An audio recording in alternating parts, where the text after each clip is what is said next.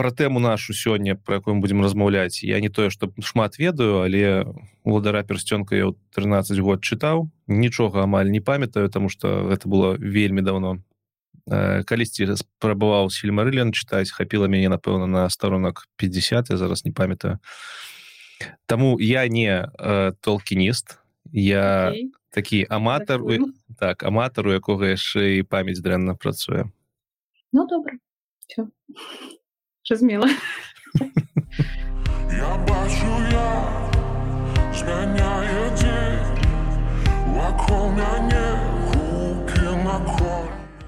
О все мы в эфиры сябры вітаю вас. Вы глядзіце ўжо девятый выпуск подкасту цёмны лёс подкасту які мы размаўляем про тое чым займаюцца беларусы наши любимые котики і калі вы не ведаеце у нас есть телеграм-канал на які можна подпісацца таксама есть патрыён калі вы жадаеце падтрымаць гэты подкаст сёння мы будем размаўляць про незвычайную тэму сёння мы будем размаўляць про пісьменніка яго творчасць. І пісьменнік гэты асабіста для мяне вельмі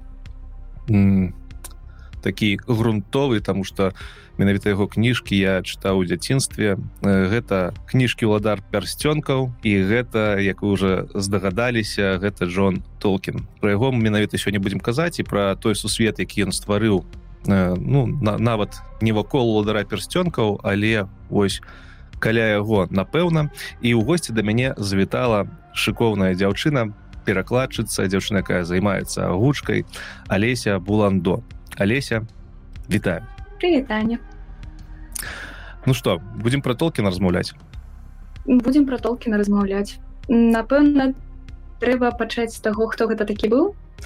Ах, ты, ты вырашыла пайсці адра, адразу з агняду полымя адразу про Толкіна. У нас так не пройдзе. А, ладно, так, ладно. Таму што заўсёды з самага пачатку э, я сваю аўдыторыю знаёмлю з тым, хто да мяне завітаў.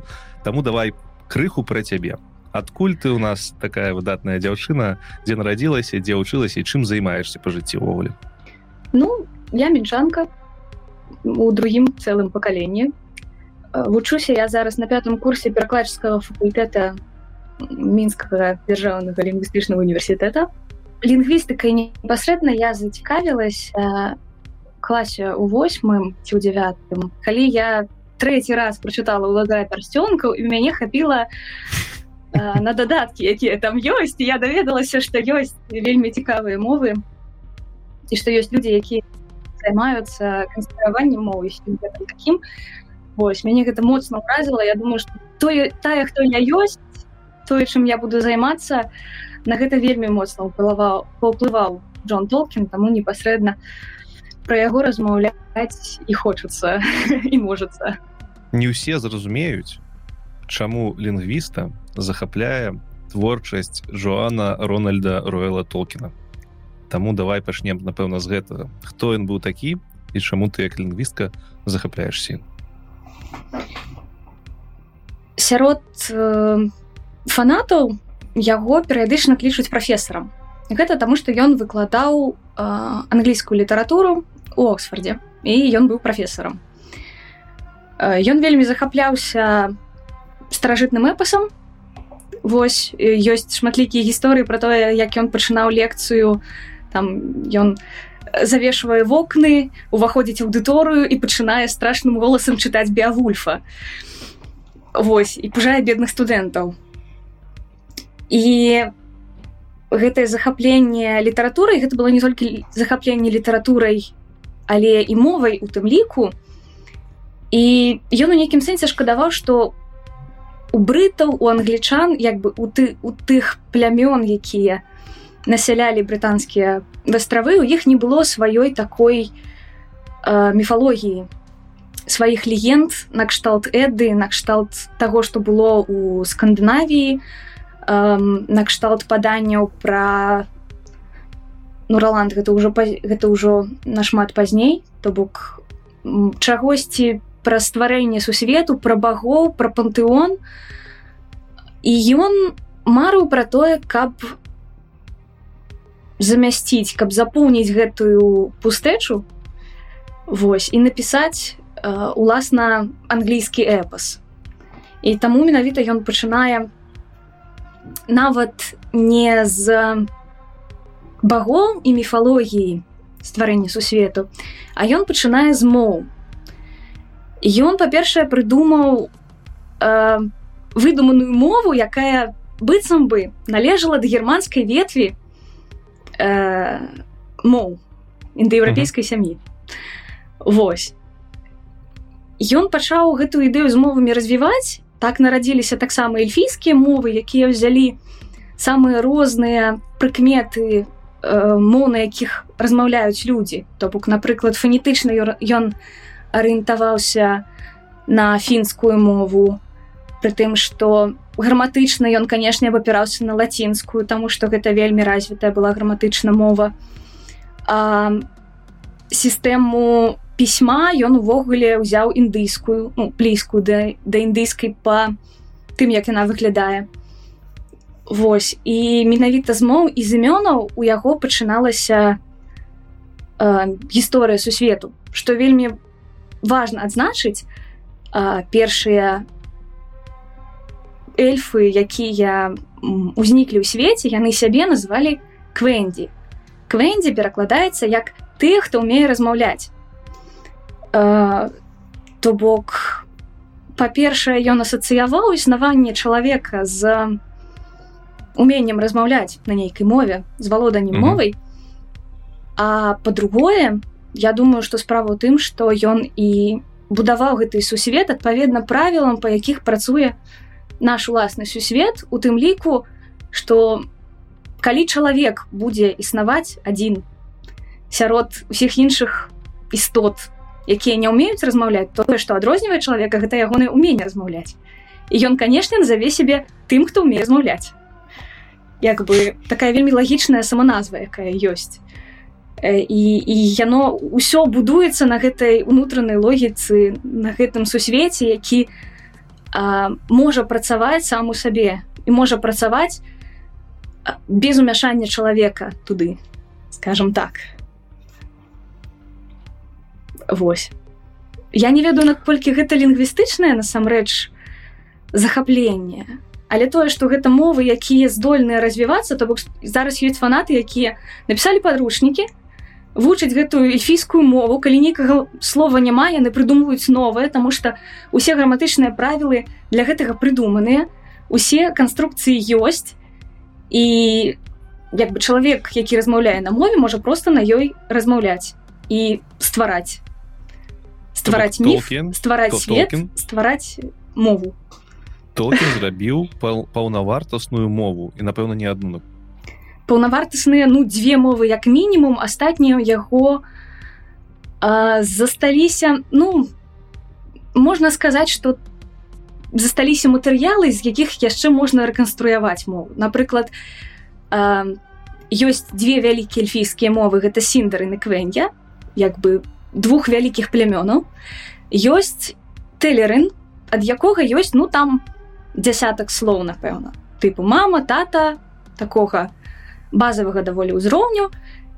Толкі асабліва гэтую мову не прадумваў але паколькі лінгвіст лінгвісты фандомныя ведаюць што гэта мова роднасная сіндарны квенья яны ўжо могуць прасачыць нейкія заканамернасці і яны ўжо могуць рэканструяваць гэты самы тэлерын з той пары слоў якую толкін прыдумаў. Вау Вау, так сядзі сядзіш і нават не ведаеш што можна вось так жыццё пакласці і прыдумаць нават цэлыя мовы. Таму што ў галаве заўсёды ведаеш такое што мова гэта нешта грунтоўнае што робіцца там стагоддзямі тысячагоддзямі. Тут чалавек взяў зрабіў Гэта сапраўды цяжка асягнуць розуму но тут варта просто ўспомніць што чалавек ён такі быў.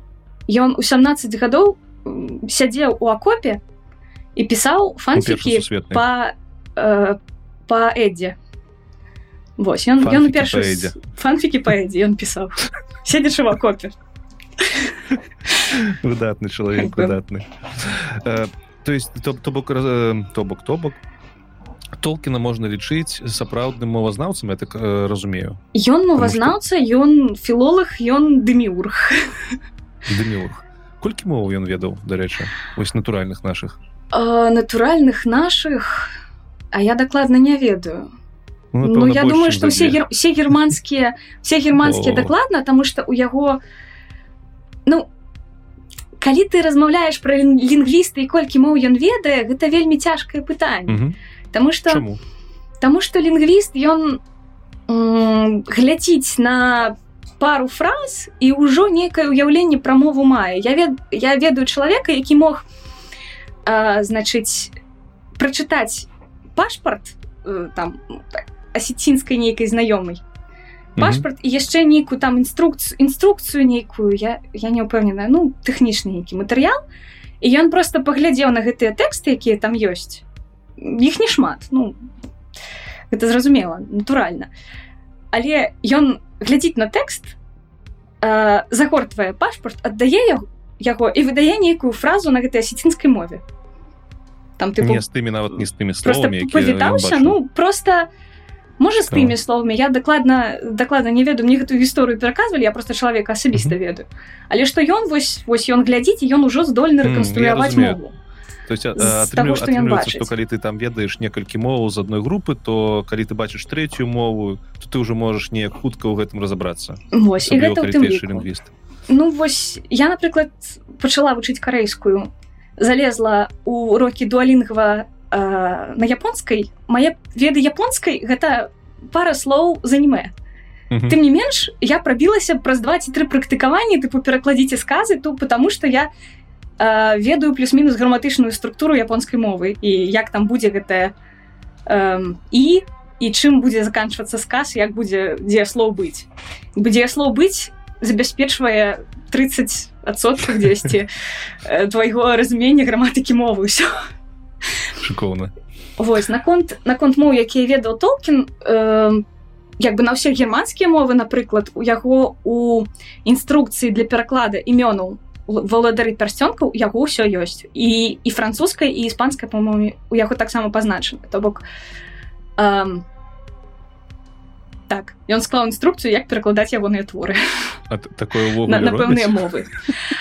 Я ведаю толькі што аўтар Божа амерыканскі аўтар нейкі пра пра залатога там дзяцей на востраве пакінулі Божа яны павінны былі выжываць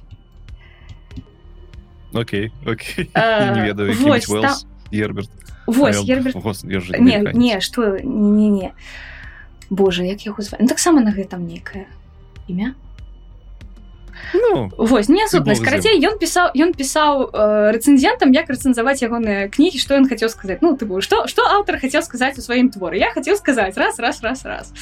Восьось толкін прыкладу тое самае рабіў тому что ну для яго вельмі важна было каб тое ж во што ён укладваў сэнс яно захоўвала гэты сэнс uh -huh. і што э, там бэггінс гэта э, торбінс хутчэй за ўсё будзе восьось там что у імя мэхат павінна быць смешнае але незразумелае что там такое імя павінна быць зразумелае такое не это вельмі цікавы point потому что мало хто з пісьменнікаў задум задум задумляецца тым что яго творы будуць перакладаць дае такія нейкія нататкі на тое як трэба это рабіць ну шчыра гэтыя нататкі по-моему уже былі ўжо былі зробленыя пасля таго як у уладар пярсцёнкаў набыў сваю папулярнасць mm. але тым не менш тут бы, просто значыць что уладар пярсцёнкаў я так разумею і ўвогуле шмат яго твораў па сусвету міжзем'я яны сталі папулярнымі яшчэ пры яго жыцці бо я калі калі рыхтаваўся до нашага з тобой для наш тобой размовы вычытаў что ён нават Э, лічыцца па нек некаторым звесткам адным самых найбагацейшых аўтараў якія вось жылі ў нашым свеце і для мяне гэта было неяк цікава і потому что я заўсёды лічыў что токен толкін ён такі фанат і грошы толкін гэта зусім розныя рэчы. А тут оказывается что ён яшчэ быў і багаты дядька. Ну ён выкладаў оксфордзе гэта нешта кажа пра ягоную ягоны сацыяльны статус. Увогуле у яго вельмі цікавае падарожжа па, па сацыяльных статусах. Так. Таму што ён нарадзіўся у паўднёвай Афрыцы. У сям'і э, нейкага банкіра по-мойму Вось. Ёсць вельмі цікавая гісторыя што вобраз гэндальфа ён спісаны з нейкага ўрача які ў той час быў э, быў іхнім урачом і ён там выратаваў малодшага брата ад э, пакуса да павука. Вось і толкін як бы запомніў такога разумнага вельмі мудрага чалавека і перанёс ягоны вобраз у свае творы. Вось. Потым бацька памёр і маці прыйшлося вярнуцца ў Англію. І там Джона Рональда хутчэй Рональда ён э, неяк даваў перавагу гэтаму імені. Руэл гэта гэта фамільнае імя яно там ва ўсіх. Сэнсе прысцыла у іх руэл толкін і крыстаферу іх руэл толкін. Все все. а, а імя два? Джон Рональд но Рональд гэта два імі. Джон Рональд гэта два а, а і руэл яшчэ трэцяе. Это мама пожадала назвать по одному а бацька по-другому атрымалася ну неяк так неяк так, так. так і бацька яшчэ сказаў яго павінны зваць руэл Вось яго павінны зваць Ройл ўсё астатняе апцыянальна маці сказала okay. Рональд бацька сказал Джон все по-моему якраз маці яму дала імя Рональд Нусабрач все просто. Не трэба спрачацца просто. Кожны кліча як хоча Вось. Яго выхоўваў каталіцкі каталіцкі свяшчэнне замяшкаў бацьку я так разумею ці просто шмат. Бацька памёр ён як бы святар вельмі моцна паўплываў на на некае духоўнае і прынцыпе выхаванне Вось. Так бо мы памятаем что толкен быў вельмі моцным католікам наколькі вельмі моцным католікам ёсць нават такое ну павер'е не павер'е сярод фанатаў але э, накшталт калі ты чытаеш толкіна калі ты становішся моцным фанатам ты ў выніку або становішся язычнікам альбо католікам есть два варианты так две крайности. Вось я нават нешта гляджу на сябе і разумею что Мачыма гадоў праз 10 я буду хадзіць у касцёл. Ну як казаў Эйнштейн ніхто не памірае тэістам таму.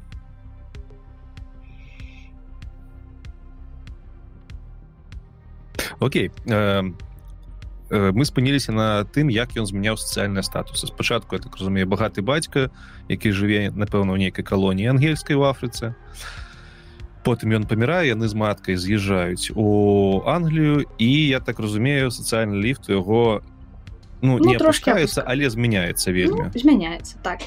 Восьось Праўда што потым ён канешне э, поступае дзякуючы э, вялікай працы спачатку прэстыжную школу потым в універсітэт. Что цікава з падрыхтоўкай ва універсітэт гэты самы каталіцкі святар вельмі моцна патрабаваў моцнай дысцыпліны ад рональда. І таму рональд было забаронена спаткацца з ягонай будучай жонкай. І яны некалькі гадоў хавалі свае нейкія стасункі яны перапісваліся але яны амаль не сустракаліся. Вось і просто чакалі магчымасці пакуль рональд паступіць пакуль так сказать все экзамены будуць здадзеныя все будзе нормально з вучобай mm -hmm. э, каб нарэшце мець магчымасць ажаніцца. Вось так вось. І гэтае каханне якое ну, час продолжилася канешне ўсё жыццё. Все жыццё. ну, час с одной жонкой все жыццё з одной жонкой. Вельмі вельмі выдатна. Э, я так разумею что до таго як по ось ты мне зараз падкажаш да таго як поступіць ва універсітэт ці ўжо пасля пачынаецца першая сусветная і ён удзельнічае ў ёй? Да поступлення калі я не памыляюся зноў такі ну недзе там недзе там не, недзе гэты там, час. недзе там у гэты час. Мне што цікава што чым ён займаўся на вайне ўвогуле?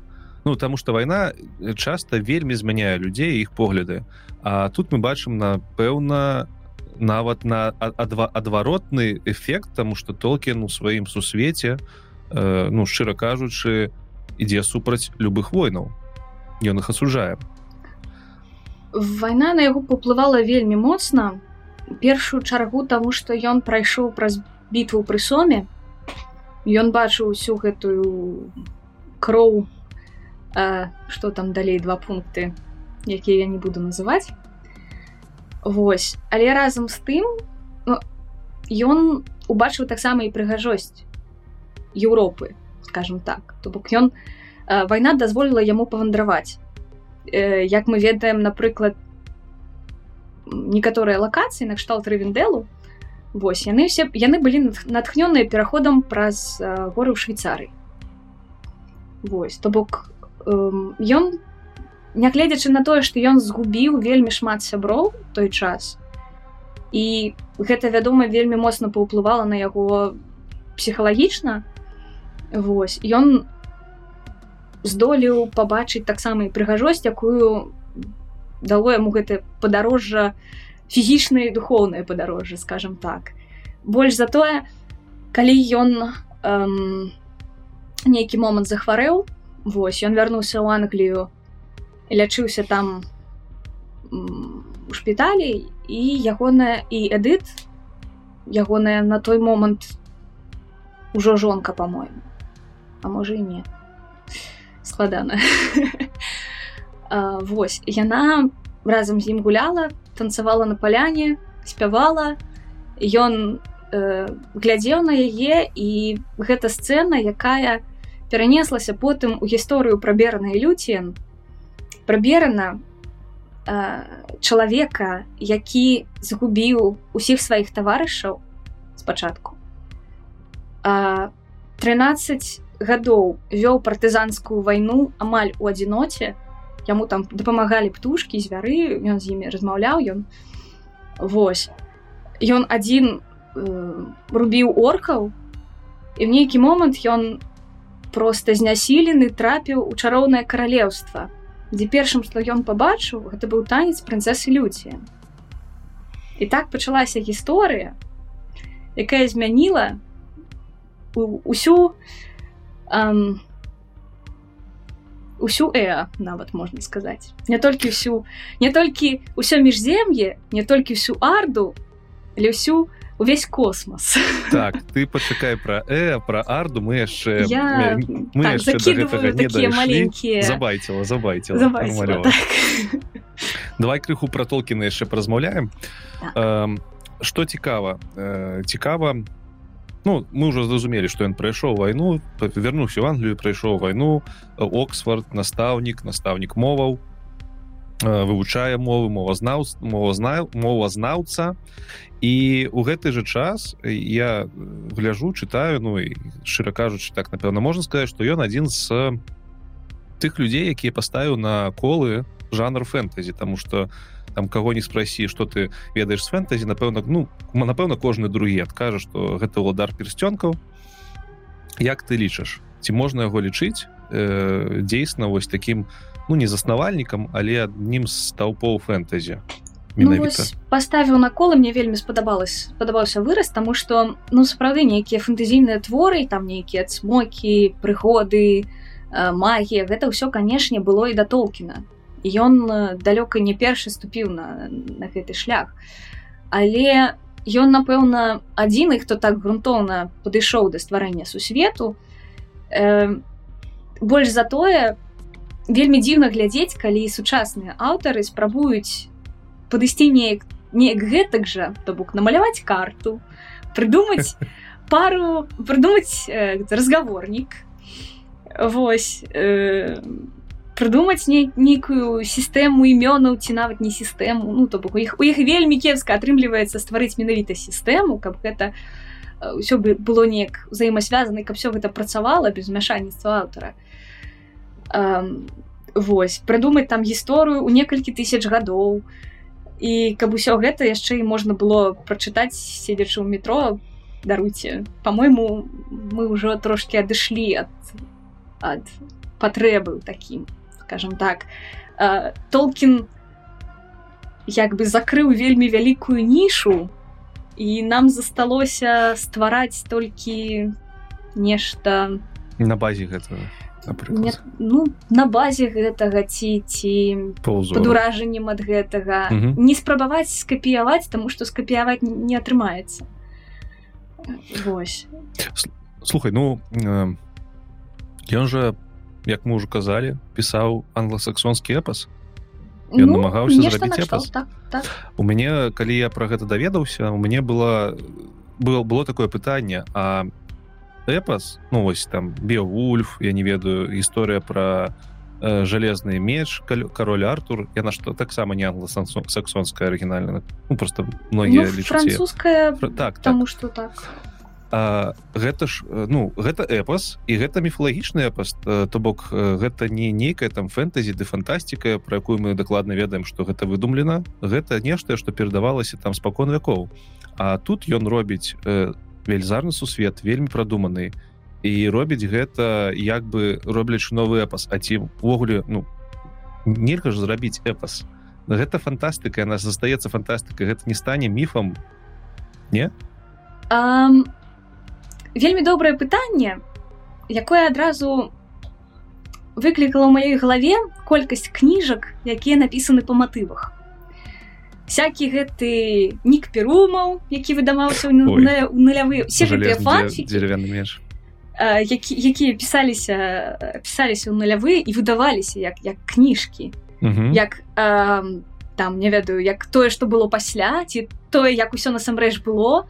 Просто колькасць э, колькасць фанфікаў і пабочных твораў якую дазваляе мир толкіна просто э, таму что таму что ён існуе.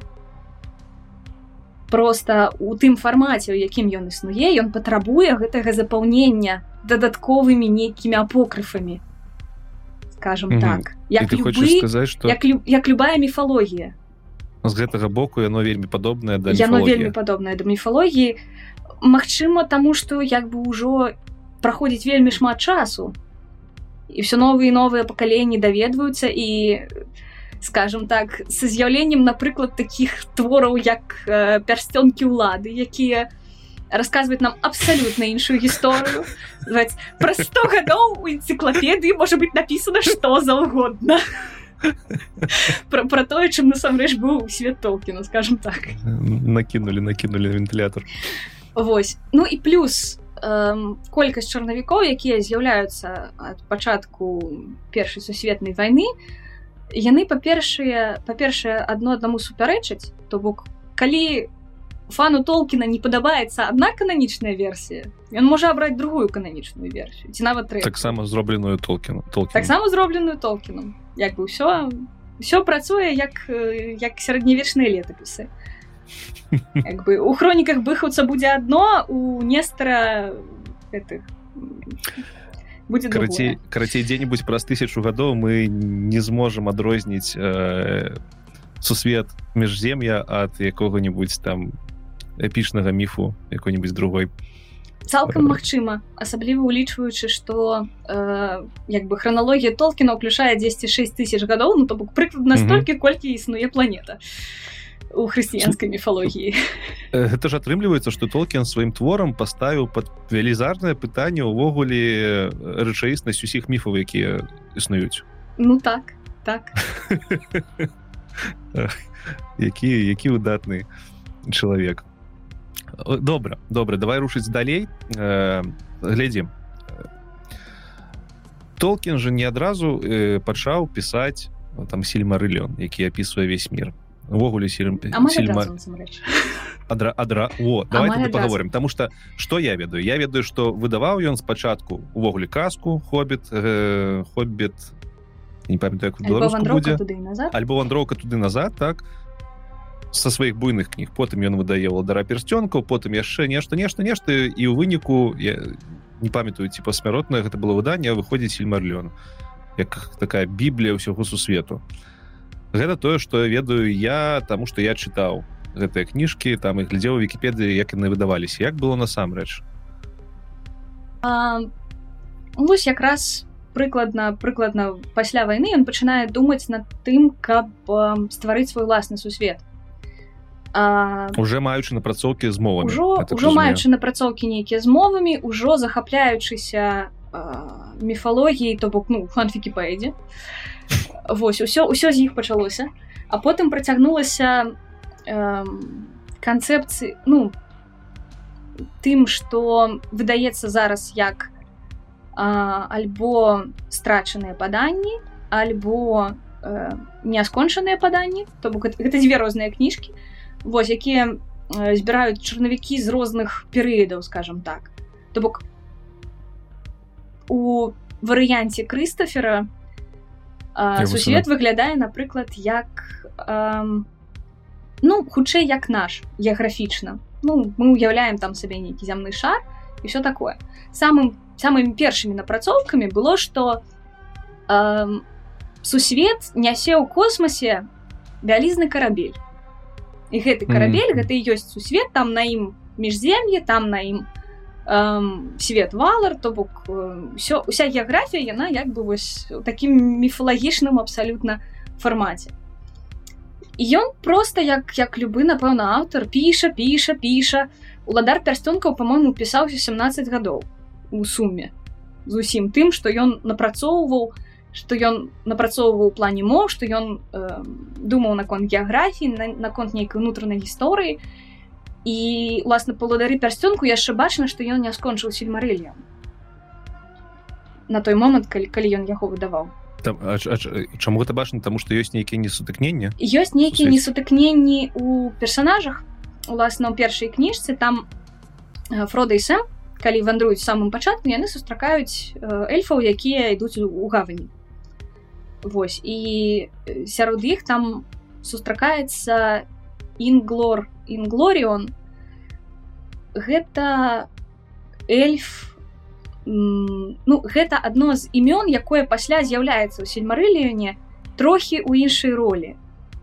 Вось і ну, трохі в іншых ну, два, эльф, два эльфы з адным і тым же а, не, ну, ну, так не працуе это так не працуе так, так, так працуе толькі ў людзей. Паўтарацца імёны могуць толькі ў людзей. Прычым прычым калі калі ты сустракаеш ім імя якое паўтараецца хутчэй за ўсё гэта нават нейкае імя эльфа з самых старажытных гісторый з першай эпохі і просто ў другой эпосе так завуць караля чалавечага Вось, тому что ну быў круты эльф давайте чалавека назовем.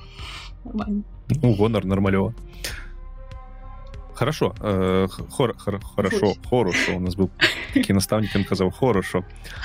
Добра і что атрымліваецца атрымліваецца что пішучы уладара пярсцёнкаў ён яшчэ не разумеў што будзе дасканала у фінальным выданні таго самага сельмарлена А ці ён ужо ведаў што ён будзе рабіць такую кнігу? Ці гэта былі просто нейкія э, зборнікі зборнікі зборнікі а потым ён такі ага все гэта сельмарылен так. выданне сельмарэліана пасмяротна Я думаю канешне што планы нейкія былі выдаць менавіта як ну біблію не біблію ну, кнігу кніг калі мы так скажам кнігу кніг Вось. Э, тым не менш ён як бы не паспеў нічога завяршыць у гэтым сэнсе і всю працу ўжо рабіў за яго ягоны сын старэйшы Вось. І старэйшы сын канешне зрабіў некаторую колькасць рашэнняў якія зараз у фанацкай супольнасці могуць асуджацца. Ну менавіта ў сэнсе эм, зрабіць гэтага персонажа сынам таго персонажа ці сынам другога персонажа такога кшталту рашэння стары... старэйшы сын гэта не крыстафер гэта так? так. падавалася што малодшы. Э Ну і трэба сказаць што Крыстафер па я так разумею таксама ўсё жыццё на гэта фактычна ну, не, так. не страціў але за не займаўся. паклаў скажем так паклаў. сваё жыццё. Дзве дзве эпохі затое у мяне напрыклад ёсць экземпляр дзяцей хурына там яшчэ у пачатку напісана дзякую свайму свайму сыну адаму за дапамогу з электроннай версіі ну то бок ён яшчэ і свайго сына такі зробім кніжку каб яна нормально чыталася электронным варыянце. Глядзі ва ўсей гэтай гісторыі мы зразумела што доўга пісаліся гэтыя велізарныя труды велізарныя кнігі мне што здзіўляе мне здзіўляе што ён пачаў сказкі ён пачаў з хобіта як так атрымалася Таму што ну гэта дзіцячая казка тыя хто глядзеў кіно зараз не зразумелі што адбываецца але гэта дзіцячая казка гэта дзіцячая казка якая закладвае закладвае асновы скажем так. Уласна як чалавецтва эвалюцыянуе як чалавецтва становіцца на шлях на шлях чаго? Міфастварэння на шлях расказвання гісторый. Мы ўсім дзецям пачынаем расказваць казкі. Я не ведаю ці была у толкінам менавіта мэта пачаць сказкі але я думаю что гэта быў вельмі натуральны пачатак тому что не трэба адразу кідаць людзей у сельмарыліон мы все гэта разумеем. Таму что там вельмі лёгка патануць заблытаўшыся ў імёнах там сям'і сыноў чянора мне спатрэбілася напэўна два прачытанні і тонны фанфікаў каб усіх запомніць Вось таму пачатак сказкі ён быў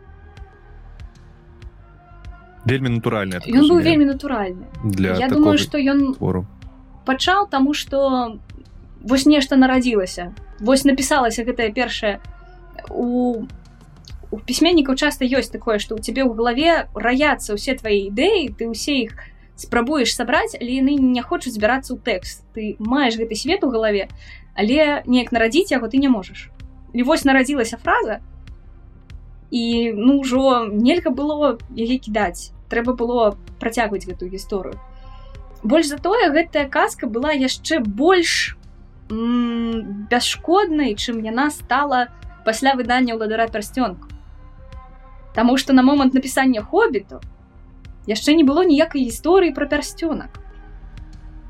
На момант на момант першага выдання хобіта голум быў абсалютна бясшкоднай істотай які ну аддаў пярсцёнак і потым высоўваўся з пячоры і радасна развітваўся з більба ось так вось. Пакуль більба бывай чаго табе добрага? То бок атрымліваецца што пасля выдання пасля выдання ну ці бліжэй да выдання владара пярсцёнкаў як бы голум быў заменены на трохі іншага характарам персонажа і уласна уласны пярсцёнак таксама набыў сваю моц не проста так, шапкі невідзімкі слухай але ж як гэта як гэта все складваецца ў одну картыну ён потым змяніў самавыданне ну, кніж кніжка перавыдавалася перавыдаваўся хобіт так. Цікава цікава Таму, а я заўсёды ведаў што голум не такі дрэнны быў увогуле ну, не дрэнны такі персонаж самага пачатку ён ён дрэнным не быў і так.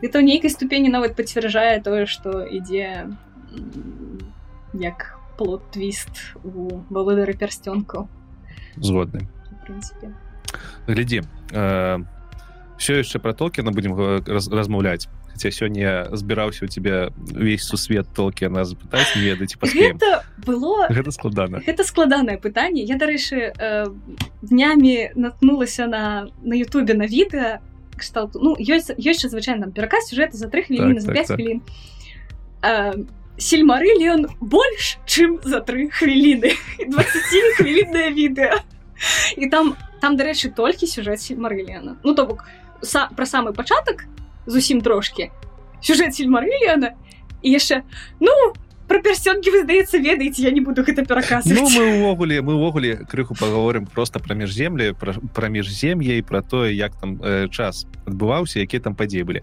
Але але але ў мне яшчэ ёсць некалькі пытанняў пра про Толкина. Мне есть яшчэ один э, улюбленный пісьменнік гэта клайф Льюис Тэплс напэўна третья моя кніжка ў жыцці якую я прачытаў гэта былі хронікі нарні Дякую маім бацькам за тое што такія добрыя кніжкі мне давалі і што цікава я э, толькі там некалькі гадоў таму даведаўся што яны з толкінам вельмі сябравалі і нават яны былі удзельнікамі адной суполкі пісьменнікаў э, яна называлася на інглінгі наколькі я ведаю. І что цікава я даведаўся про такую гісторыю что і толкін і стэплс льюіс прабачце яны любілі піва эль яны любілі сядзець у барах.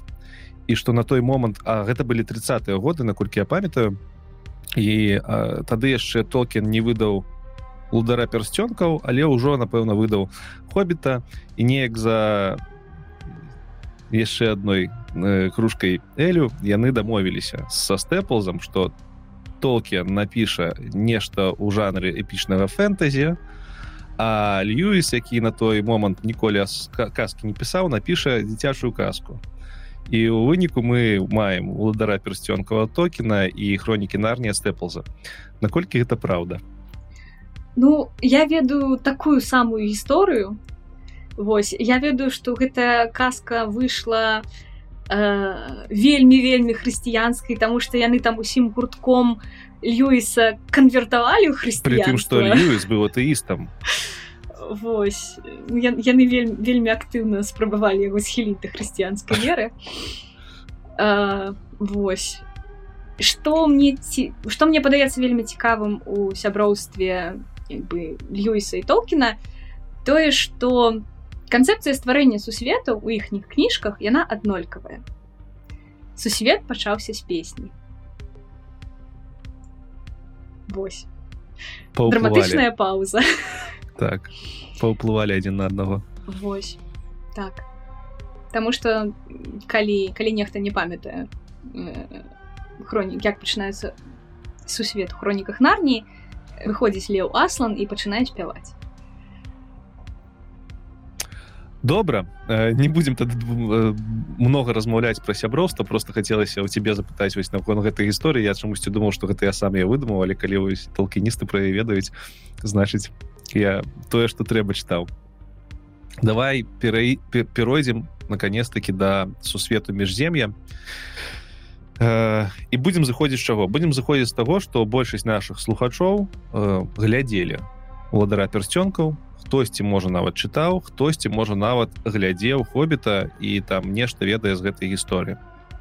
Таму я буду табе вельмі ўдзячны калі мы будзем размаўляць про сусвет калі э, калі ты будешь рабіць спасылкі на гэтыя вось менавіта два творы якія ўсе ведаюць калі гэта магчыма. Таму что сусвет толкіна ён шмат больше і ось каб разаобрацца ў гэтым сусвеце давай пойдзем самых простых рэчаў з чаго сусвет пачынаўся э, якія там ёсць асноўныя скажем так паняцце что такое э про якую ты ўжо казала что такое арда ці арда что такое міжзем'е як оно все суадносіцца ну напэўна пачаць трэба з першай фразы з якой уласна пачынаецца фільмарыльон а ён пачынаецца з у пачатку быў эру адзіны якога у ардзе клічуць і луватар у нас тут столькі паняццяў якія можна адразу э, спрабаваць разабраць ну эру гэта э, адзін адзіны для эру гэта непасрэдна пераклад. Мовы гэта як бы адзінае усемагутнае боства э, такія рэшткі тол толкінскага хрысціянства якія трапілі у у твор непасрэдна. Арда гэта э, фізічная частка сусвету. Гэта гэта э, вось ёсць э якую я ўжо казала гэта космас. Гэта увесь сусвет. Арда гэта ягоная частка так, унутраная. І луватар гэта э, у перакладзе азначае бацька ўсяго. То бок э, боства якое э, ўсё стварыла.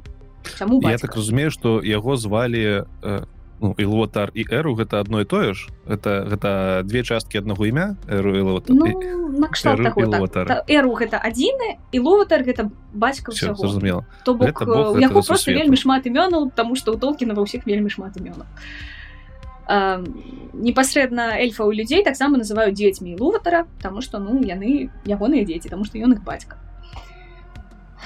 Ён стварыў кагосьці накшталт анёлаў святых Э, якія называліся айнур. Вось сярод айнур былі мацнейшыя былі слабейшыя. Э, вельмі важная гісторыя э, пра падзенне аднаго зайну мелькара. Вось гэта гісторыя нешта гэта, нешта гэта нагадвае. Ой, гэта гісторыя люцифера які так. вельмі хацеў э, ствараць нешта сваё не пад, не падпарадкоўвацца задуму адзінага вось які шукаў э, ракавечны агонь які дазволіць яму ствараць. Але паколькі агонь быў у эру то ён яго не знайшоў. І тады ён вярнуўся да свайго бацькі і унёс разлад у агульны хор. І сапсаваў мелодыю. Агульны хор. і мелодыя. Агульны хор і мелодыя. Усе айнур спявалі песню якая стварала сусвет якая стварала ягоную гісторыю прадвызначала яе скажем так то бок нават не ілуватар э, рабіў усё ў гэтым сусвеце а ўжо яго дзеці айнур з дапамогай песен так скажем стваралі тое што існуе рэчаіснае. Э, я так разумею что айнур гэта істоты якія жылі у ну якія існавалі у э так, так эфірны, эфірныя істоты яны яшчэ не мелі абалонкі як такой. -hmm. і не тое каб яшчэ мелі нейкія э, прафесіянальныя профілі назовем гэта так. Вось таму што у той момант калі мелькар унёс разлад да яго далучыліся некаторыя слабейшыя айнур. І затым яны ўсе зразумеўшы што яны не здольныя скончыць мелодыю до конца спусціліся ў сусвет арда набылі больш матэрыяльную форму. Зусім матэрыяльна яе нельга назваць таму што яны ўсё яшчэ існавалі на, на, так, на такім памежжы паміж э, двумя сусветамі. Вось. І тады ўжо айнур ператварыліся ў валар. Гэта найвышэйшыя боствы так так бы мовіць іх. 12 сярод э, сярод светлых бостваў. 6 mm -hmm. мужчынскіх 6 жаночых увасабленняў. Вось. І мелькар з іншага боку ён быў цёмны вала. Вала гэта адзіночны лік дарэчы валар гэта множны таму мы валар не скланяем. А, і менш магутныя айнур яны сталі майер. Вось. Тут у меня заўсёды было пытанне что что э, укладаецца па-першае навошта сканчваць песню навошта яны ім трэба было ее скончыць? Что что азначае что у толкі назнач азначае конец ось стварэння гэтай самай песні. Гэта нейкі аналаг конца свету я не ведаю ці ці, ці наадварот гэта расцвет усяго. Закончаная песня ну то бок якая мае пачатак якая мае сярэдзіну якая мае конец mm -hmm. гэта уся гісторыя сусвету ад стварэння непасредна непасрэдна да разбурэння разбурэння натуральна айнур імкнуліся айнур імкнуліся стварыць стварыць сусвет ва ўсёй яго паўнаце mm. то бок нельга просто скончыць сусвет. Яго для гэтага трэба пачаць і развіць скажем так. Так зразумела. Вось э, і скончаная мелодыя яна павінна была быць ідэальнай у задуме эру Вось. І тады наш свет ён таксама быў бы ідэальны. І вось тут не зусім зразумела незразумелы канфлікт э, мелькара. Што не падабалася мелькару чаму ён э, чаму ён пайшоў супраць бацькі? Ён хацеў творчай свабоды. І ён у яго былі было сваё разуменне э, прыгожага у яго э, былі свае жаданні. Ён тым не менш не мела гменю які дазволіў бы яму сапраўды нешта ствараць таму у выніку ён мог толькі скажаць і разбураць у нейкім сэнсе мелькар гэта канешне таксама трагічны персонаж таму што ну эм, сусвет ідзе супраць яго. І ягоная прырода не дазваляе яму даць адпор гэтаму сусвету і канструктыўна змагацца са сваёй унутранай і знешняй праблемай Вось у выніку ён просто стаў псаваць усім жыццё добра з гэтым разабраліся. А, давай працягнем далей. Валар і маяр. Это ўжо больш фізычнае увасабленне тых самых айнур і гэтае ўвасабленне ўжо існуюць у ардзе арда з сябе уяўляе мы ўжо сказалі э, нешта фізычна фізычны мір так? Чым гэта адрозніваецца ад міжземля якое як мы ведаем ужо знаходзіцца несецца праз прасторы космоса на здаравенным караблі нейкім. Не толькі дарэчы міжзем'е там павінна было несціся на караблі. Справа тым што міжзем'е гэта ну кантынент. Откуда ўласна назва міжзем'я пайшла? Гэта тыя самыя скандынаўскія сагі у якіх існуе асгард мідгард то бок міжзем'е і а, як называется ад я не памятаю ну, хай будзе полград Йормунгард гэта так. по-мойму змей. Вось. То бок на сусветным дрэве там розныя узроўні свету. Сусветнае дрэва сусветнае дрэва ну сусветнага дрэва няма у нас ёсць сусветны карабель Окей. Вось. На сусветным караблі значыць ёсць зямля э, святая зямля айнур валар яна называется валінор ёсць э, кантынент які ўключае ў сябе міжзем'е а таксама э, яшчэ такую тэрыторыю як білерент Вось уласна тая якая не фігуруе у валад... не валодары пярсцёнкаў не ў хобіце тому что на, на момант э, падзей яна ўжо затопленая яна э, стала часткай Гэта... вялікага мора. аналог атлантыды я так разумею. Ну Магчыма, не... мне здаецца атлантыда гэта якраз больш ну мінор а, okay. ну мінор але э, на момант стварэння сусвету ну мінору пакуль не існуе.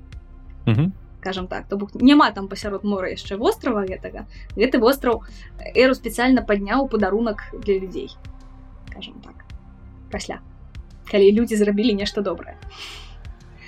Вось. Але вось у гэтым сусвеце у якім ёсць ну два вялікія кантыненты можна сказаць так.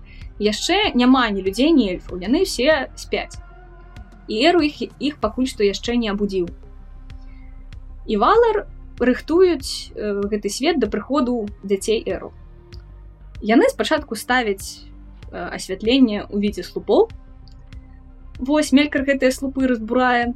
Яны ствараюць там надвор'е клімат тому что у іх з'явілася нейкая спецыяльнасць. Ёсць кароль манве які адказвае за паветра напрыклад. Ягоная жонка стварыла зоркі жонка варда э, элентары і власна да яе зварот конечно канешне можна пачуць валодары пярсцёнку які гучыць на сіндарыне. На сіндарані яе завуць элберет гілтонель восьось і таго ўжо чатыры імені ёсць валар які адказваюць за прыроду за расліны за, за камяні за сон за смерць. Ўсё як добрым таким пантэоне багоў. Мне, мне адразу два пытанечки будуць каб удасканаліць у гэтую карціну. Першае пытанечка. А что на краю сусвета по версіі сусвета? Ці ўвогуле там няма ні, ні, нічога не кажется про гэта?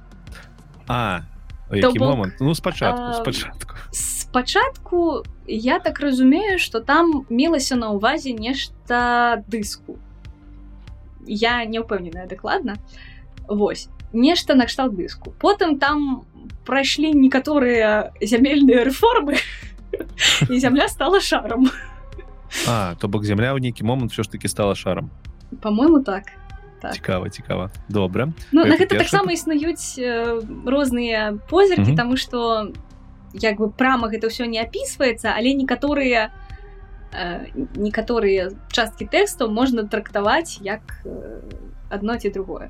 Ну вось сярод сярод малюнкаў ёсць канешне і шар і э, плоскі дыск. І ўсё складае і карабель. І ўсё гэта складае арду. Ці гэта складае можа... арду Ну яшчэ то, то, там было, там, так, так, так. я, я намагаюся зразумець ці не ось мы зараз живвем у міры дзе ёсць шмат планет. Ці было там такое что акрамя вось гэтай э, міжзем'я з другімі кантынент кантынентамі на караблі несецца яшчэ побач адзін карабель ці гэта ўсё было цэнтравана вакол? Вакол. Ўсё было цэнтравана тому что як мы бачым напрыклад з гісторыі пра стварэння зор про, стварэння зорак. Э, зоркі фігуруюць як лямпачки скажем так. Зразумела. Гэта не планеты не сонцы іншых ну дарэчы яно і зразумела тому что калі ствараліся міфы людзі не ведалі что такое зоркі і, гэта такая алегорыя на тое что было раней. Цікава. Хорошо э, рухаемся далей. Наступнае пытанне про часовыя межы адразу каб разумець. Ось э, ці ці ёсць якія-небудзь э, разуменне того колькі по нашым часе які мы з тобой добра разумеем цягнулася гісторыя ўсяго сусвету? А, мы можем разумець колькі цягнулася гісторыя ад прыбыцця эльфа ў міжзем'я да завяршэння вайны пярсцёнка і гэта 6 з паловай тысяч гадоў калі я не памыляюся. Да гэтага ёсць э, непасрэдна э, і привязка непасрэдна адлік пачынаецца з узыходу сонца і луны. Сонца і месяца. А, все, сонце ну, і месяц логічна, логічна. створаныя далёка не адразу. І да іх з'яўлення яшчэ таксама ёсць нейкі перыяд э, такі цёмныя часы гісторыі калі мы амаль нічога не ведаем акрамя таго што вось было ну то бок там ідзе раздзяленне двух гісторый гісторый двух кантынентаў скажем так пра адзін мы ведаем пра другі ўжо менш Я так разумею што год у сусвеце ўладара пярсцёнка у сусвеце міжзем'я ён прыблізна такі же як і у нас. Той які якім карыстаюцца скажем так аўтары летапісаў назовём гэта так. Тому что толкіна даволі складаная структура ў гэтым сэнсе тому что напрыклад уладар пярсцёнкаў сам по сабе напісаны даволі ненадзейным аўтарам паколькі ён толкінам пазіцыянуецца як пераклад э, як пераклад нейкага летапісу то бок тыпу толкін сел і пераклаў нейкі летапіс Вау! Вось. Таму офігеть Таму як бы давяраць абсалютна ўсяму што сказана абсалютна усім датам якімі карыстаецца летапісец ну то бок асоба аўтара унутры твора скажем так. чакай я, я трэба падзяляць зараз... толкіна і асобу аўтара ўнутры твора. Я зараз намагаюся усведаміць усё гэта то бок толкен пішучы ўладараць пярсцёнкаў зрабіў гэта так нібыта ён перапісваў чыі-то летапісы хаця по факту гэта яго ўласныя думкі Вау. Вось ну і... неверагодна Таму што ёсць ас... ёсць асобная пазнака пра тое што у эльфаў летазлічэнні трошкі іншае у іх там адзін год называется ен ён цягнецца 142 э, сонечныя гады ці нешта такое. Вось таму вельмі цяжка арыентавацца напрыклад у ва ўзростах якія ёсць у эльфаў які апісваюцца так можна на сотку памнажаць адразу так. добра. З гэтым крыху разабрались. Давай теперь э, вяртацца назад до да того на чым мы спыніліся. Спыніліся мы на тым як валар пачалі создаваць э, у сусвеце усялякія там э, усялякія што? Усялякія рэчы для того я так разумею каб прыйшлі дзеці э, і луватара у гэты так. свет. Вось. Мы спыніліся на слупах. Слупы разбурылі. Mm -hmm. тады э, разам багіня зор варда і э, багіня расліннасці яванна стварылі два дрэвы э, лаўрылін і тадперіён Вось гэта два дрэвы якія свяціліся яны раслі ў валенары і іх ужо разбурыць было даволі цяжка Вось так. гэта дарэч тыя самыя дрэвы якія мы бачылі гэта тыя самыя серыяле так. Так. вельмі прыгожыя кадры. Вось сюжэт Ну яны упусцілі даволі важны момант. Ну ладно гэта, гэта так это для другога выпуска можна ставіць і жывуць сабе гэтыя валар чакаюць э, дзяцей эру але ім становіцца сумна тому что ну рабіць няма чаго глядзець няма за кім. Ауля які з'яўляецца боствам кавальскага майстэрства зямлі усяго вось вось такога вось. Думае что ён таксама хоча нешта зрабіць і ён робіць гному Вось ён... цікавы момант. Ён так вельмі цікава яшчэ што ну атрымліваецца што ён таксама ідзе супраць задуму эру. Ён прыходзіць ён прыходзіць да эру і кажа глядзі вось мае дзеці як бы вось мае э, гномы. І эру кажа ну я іх не задумваў гэта няправільна тое што ты зрабіў забі іх Яўлі падымае свой молад і тыя 12 гномаў калі я не памыляюся ў колькасці раптам ажываюць і разбягаюцца то бок сутнасць тым што ён ну ён стварыў як бы нейкіх ідалаў нешта накштал таго ён прыйшоў да эру сказаў да ім там свабоду волі да ім жыццё Вось. Яру адмовіўся і сказаў э, разбурыць гэтае стварэнне гэтае стварэнне э, раптам, раптам самі ажылі самі набылі нейкую нейкую свабоду волі спужаліся свайго боства і тады эру сказаў ну ладно давайте тады яны будуць жыць таксама як цікава маім свеце тому что яны як бы даказалі сваё сваю самастойнасць ну, гэта нешта натуральнае што само з'явілася я так разумею. так. такого атрымліваецца так добра ёсць так такія... гномы. Так з'яўляюцца гномы так. Іх по-моему таксама усыпляюць да моманту з'яўлення эльфу потым з цікавага ёсць што э, жонка гэтага боства аўлі яванна якая з'яўляецца таксама багіней там зямлі раслін э, яна подумала што вось ёсць дрэвы але калі там будуць бегаць усялякія людзі сялякія мелькоры то трэба для дрэў стварыць нейкіх ахоўнікаў і стварыла энту стварыла пастара пастараў дрэў каб яны сачылі сачылі за дрэвамі каб абаранялі іх і все такое. На гэтым нарэчы не скончана Таму что сярод таких э, незадуманых стварэнняў ёсць яшчэ арлы манвы. Таму что гэта Маны... самыя арлы якіх мы бачылі ў фінале тыя самыя арлы якіх мы бачылі фінале персёнкаў у хобіце і так, так, так. не аднойчы яшчэ пабачым падчас э,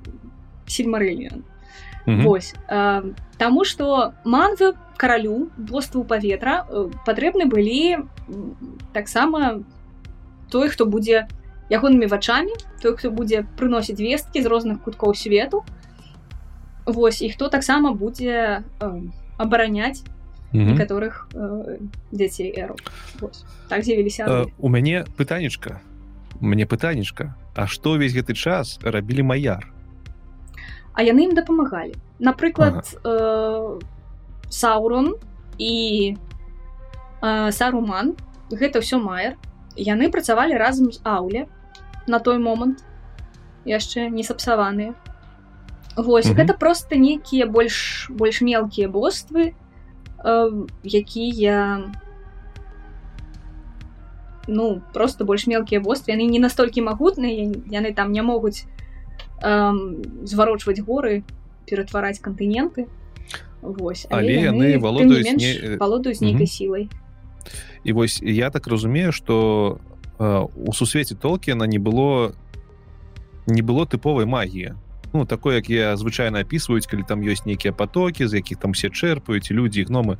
У толкена я так разумею магіяй ну нечым па падобным на магію валодаюць толькі якраз таки валары маяр то усе чараўнікі усе чараўнікі яны з'яўляюцца ну боствамі факту. Будь то сарума саруман гендальф гэта плюс-мінус одно і тое ж і гэта не як там незвычайны момант не ўсе гэта разумеюць што саурон саруман гендальф там то яшчэ барлах гэта прыкладна аднаго і таго ж э, парадку істоты так, так. так. Э, магія прысутніч э, скажем так з з кожнай эпохай колькасць магіі ў сусвеце она таксама змяншаецца змяншаецца бо змяншаецца колькасць э, істот якія здольныя звязваць сабе сябе з сусветам духоўна у чым галоўнае адрозненне эльфаў і людзей тое што эльфы прывязаныя духоўна да арды яны застаюцца ў ёй назаўсёды яны застаюць іх дух застаецца застаецца ў арце пасля смерти яны могуць калі не памерці фізічна там праз э, дзясяткі тысяч гадоў яны просто раствараюцца цялесна і застаюцца э, духоўнымі істотамі. Вось. Таму эльфы гэта таксама э, тыя хто здольны на нейкую магію унутры сусвету толкіна уласна магія таксама працуе праз песню. То бок э, напрыклад у першай эпосе вельмі вялікі вельмі важны паядынак паміж адным з каралёў эльфаў фінрадам і саурунам якога мы бы ведаем даволі даўно. Ён адбываецца менавіта у форме песні і гэтыя заклёны якія ёсць гэта таксама мелодыі такія адгалоскі стварэння эру адгалоскі задуму. Чакаем чакаем чакаем мюзікал ад эпла мюзікал дарэчы ёсць. Па-першае ёсць ёсць расійскі мюзікл у нулявых напісаны пастаўлены фінрадзонг які расказвае гісторыю скажем так урывак з гісторыі праберанай люцien потому что ён заканчивается смертью фінрада спойлеры ссоры хотя уже ладно уже не такія спойлеры уже ўсе ведаюць что фін памірае Вось і ёсць э, рэч якую я вельмі моцна люблю нягледзячы на тое что яна на рускай мове я зараз знаходжуся ў такім няпэўным стане наконт таго ці магу я яе далей слухаць але выяўляецца што магу mm -hmm. таму што гэта вельмі моцная рэч гэта нешта накшталт моноспектаклю які напісала скадзі э, гэта? гэта гэта расійская паэтэса барт міністрэль mm -hmm. як гэта раней называлася сярод палкіністаў Вось гэта што по-мойму яна на 6 гадзін Ого. Просто уся гісторыя лейцен пераказаная у, у вершах ну у песні магутна і, і за і зараз э, як бы по гэтым тэксце які раней выконваўся адной актрысай э, адной спявачкай выканаўцай Вось цяпер паставілі паўнацэнны мюзікл там пазвалі Евгенія егорова з эпідэміі на ролю фільма mm -hmm. Вось і всякихх таких людзей з э, музычнага тэатру расійскага я не глядзела я ўжо не люблю. Мне здаецца гэта павінна быць менавіта што такая атмасфера менавіта барда які расказвае табе эпас на 6 гадзін ты сядзіш слухаеш аднаго чалавека які перадае гісторыі розных персонажаў калі хто-нибудь захоча паслухаць паглядзець мы назвы ці нават спасылкі заставім апісанне так это ж не не праблема добра павяртаемся зноўку назад да тых да, да часовой да часовай прабачце стужкі міжземя вось у нас з'яўляюцца дрэвы. Так вось у нас з'яўляюцца гномы. Ці гэта усе асноўныя падзеі якія адбываюцца да таго як прачынаюцца эльфы? Ну прынцыпе так okay. прынцыпе так. Мелькар канешне там дзесьці нешта робіць мы пра гэта не надта ведаем mm -hmm. Вось ён ціха сядзіць нічога стараецца не свяціцца у яго там свае каварныя планы. Па-першае каб пагаварыць каб пачаць размаўляць пра тое як прачыналіся эльфы і людзі я хочу даведацца пра эпохі. Ці як падзяляецца сусвет на эпохі можна сказаць што ён падзяляецца па самых важных перамогах ці самых важных бітвах якія адбываюцца ў гэтым сусвеце. Mm -hmm. нават можна сказаць бітвах якія мяняюць светапарадак. Окей то бок мы зараз всю все яшчэ знаходзімся ў першай эпохі мы знаходзімся да эпох. А да о ох добра. Кажам так тады давай гаварыць пра тое як адбываецца з'яўленне э, з'яўленне каго? З'яўленне дзяцей Ілватара у ардзе так першымі пачынаюцца эльфы. Людзей яны таксама яшчэ не ведаюць людзі з'явяцца значна пазней. Ці апісаны працэс самого з гэтага прачынку прачынання? Гэта як? Это яны просто спалі недзе такія праснуліся ці ну, іх перанеслі ці яны спалі ну то бок яны з'явіліся там жаданнем эру яны там спалі. У нейкі момант яны прачнуліся. І мы нават ведаем што яны прачнуліся на беразе возера якой называется куеве куеве нэн Вось.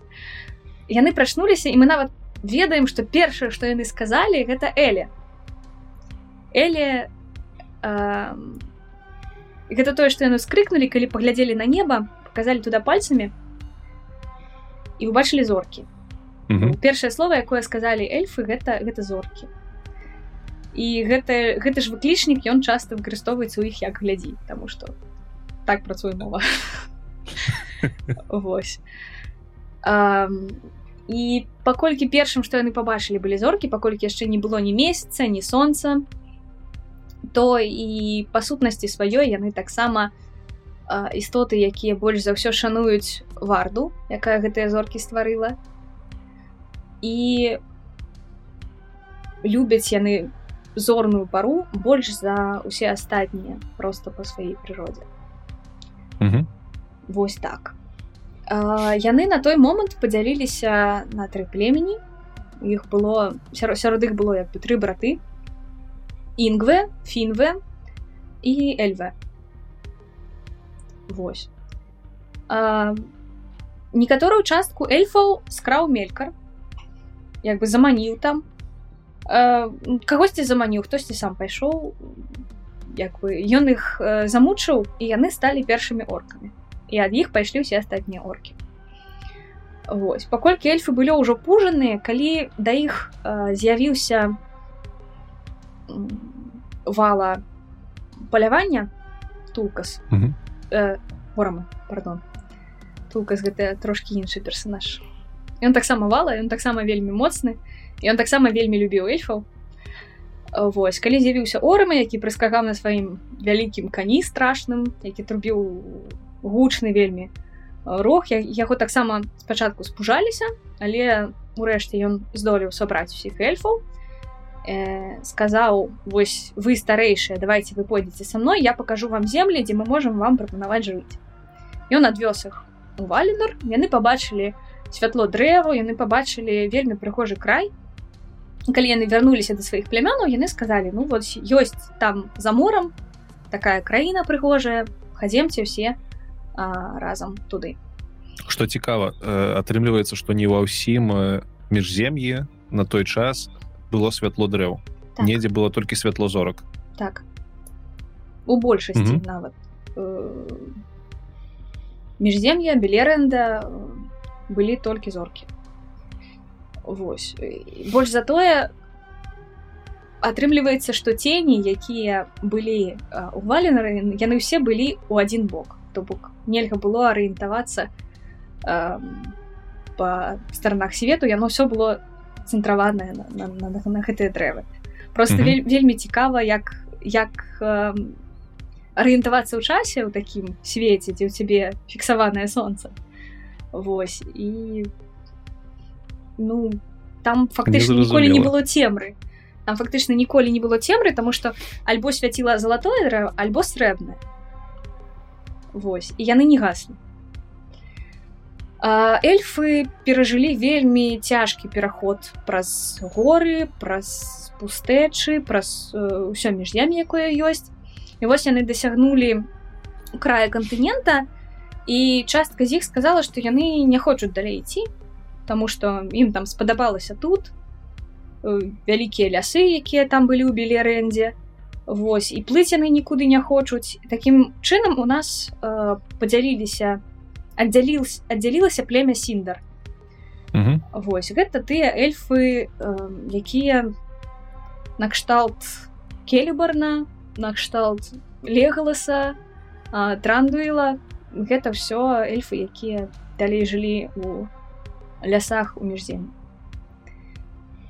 Вось тут цікава адзначыць што менавіта мову эльфаў эльфаў і разрабляў толкен толкін яшчэ до таго як пісаў гэтыя творы ж правильно так. разумею? Ён для яго першаснай была менавіта мова для якой ён вырашыў напісаць гісторыю якая была лагічная то бок ён ён прыдумаў што ёсць две мовы. Яны роднасныя але адрозныя значыць трэба каб у нейкі момант э, плямёны разышліся. Так. Восьось эм... частка эльфу засталася у міжнямі частка эльфаў прыйшла ў вальнор. Два племені. Э... нолдар якія былі вельмі магутнымі рамеснікамі кавалямі. Э, таксама толкін звязвае гэта рамесніча рамесніцтва і працу рукамі з красамоўствам. У гэты момант гномы ўжо не спалі ці яшчэ спалі? А, дакладна не спалі калі аддзяліліся сіндер калі сіндер Мгм. пачалі будаваць сваё каралевства яны ўжо ўзаемадзейнічалі з гномамі Вось. І першая пісьменнасць якая ў сіндер была яна таксама роднасная з пісьменнасцю гному. У пісьменнасці гному свае асаблівасці паколькі яны пачыналі пісаць на, кам... на камні вось там такія жорсткія лініі ўсё Мгм. прамыя усе я, як усе руны якія мы непасрэдна бачым. Зразумела. Людзі. люди что что что ось эльфы раз, разбраліся па сваіх кутках пачалі там развівацца а людзі я так разумею гэты час яшчэ спалі людзі спалі людзі спалі да самай першай эпохі да сярэдзіны Э, нават першай эпохі Чаму бок- так адбылося што токен захацеў увесці дзвюх разумных істот э, як галоўных э, эльфы і людзі навошта навошта так? Чаму не толькі эльфы ці не толькі людзі А, я думаю что для того каб стварыць кантраст м, каб з дапамогай гэта, гэтага кантрасту э, паказаць людскі лёс таким якім яго лічыць толкін. То бок Мгм. А, другое галоўнае адрозненне людзей ад эльфаў гэта тое што людзі маюць свабоду выбару. Гэта фундаментальнае паняцце хрысціянства і фундаментальнае паняцце ў толкіна. А, калі А, і- людзі паміраюць Мгм. яны э, іх дух э, пакідае арду. Зусім і сыходзіць кудысьці у іншы свет ніхто не ведае насамрэч куды. То, то бок у той час як лёс эльфаў ён прадвызначаны ён цалкам прывязаны да зямлі на якой яны жывуць эм, але ж мы казалі што яны пасля смерці трапляюць у э, я так разумею. Не, я... хто эльфы эльфы эльфы. Эльфы эльфы назаўжды застаюцца прывязанымі духам да арты. Для... заўсёды а, яны зразумела. яны нікуды не знікаюць яны як бы заўжды тут нават калі яны ам, м, пераходзяць з у фізічнага стану метафізічны пераходзіць у метафізічны стан людзі людзі маюць свабоду выбару людзі маюць волю сысці з гэтага свету у іншы нейкі. І як бы гэтая воля атрымліваецца у тым ліку даецца дзякуючы смерці такую людзі ось э, мне заўсёды падавалася што ну як мінімум з э, там з фільмаў якія мы добра памятаем можа нават з уладара персцёнкаў з них падавалася што эльфы ставяцца да свайго вось гэтага да сваёй вызначанасці лёсу як да бессмяротнасці. З гэтага боку падаецца што эльфы больш э, такія скажем любімыя дзеці эру Таму што яны будуць бессмяротна жыць а у людзей гэта незразумела. Яны цябе паміраюць што вельмі будуць любіць у нумінары. У другой. Менавіта такое паўста- пытанне паўстала перад людзьмі у другую эпоху калі яны ўласна пабачылі што вось гэтыя эльфы не стареюць не паміраюць а мы няшчасныя людзі вымушаныя пакідаць гэты свет. А, гэта вельмі шырокае філасофскае пытанне тому что м, з аднаго боку канешне можа так падасца можа падасца што вечнае жыццё гэта добраславенне для разам Мгм. з тым я думаю шмат хто калі пачынаў аналізаваць што такое вечнае жыццё ён будзе разумець што гэта таксама і праклён. Тым больш што ты напрыклад губляеш сваю фізічную форму абсалютна.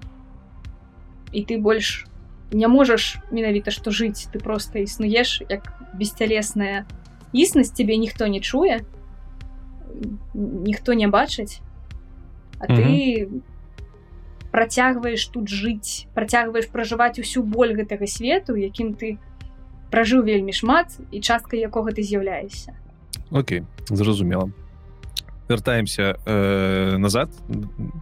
Я напэўна не буду пытаць что там адбывалася у гэтую эпоху да эпох калі эльфы рассяляліся хотя напэўна там былі Ну, цікавыя у эпоху да эпох адбылося вельмі важнае мелькар спачатку захапілі валар сказалі э, сядзі ў турме мы за табой будзем сачыць ён mm -hmm. потым пакляўся на пальчыках што ён будзе добра сябе паводзіць яго выпусці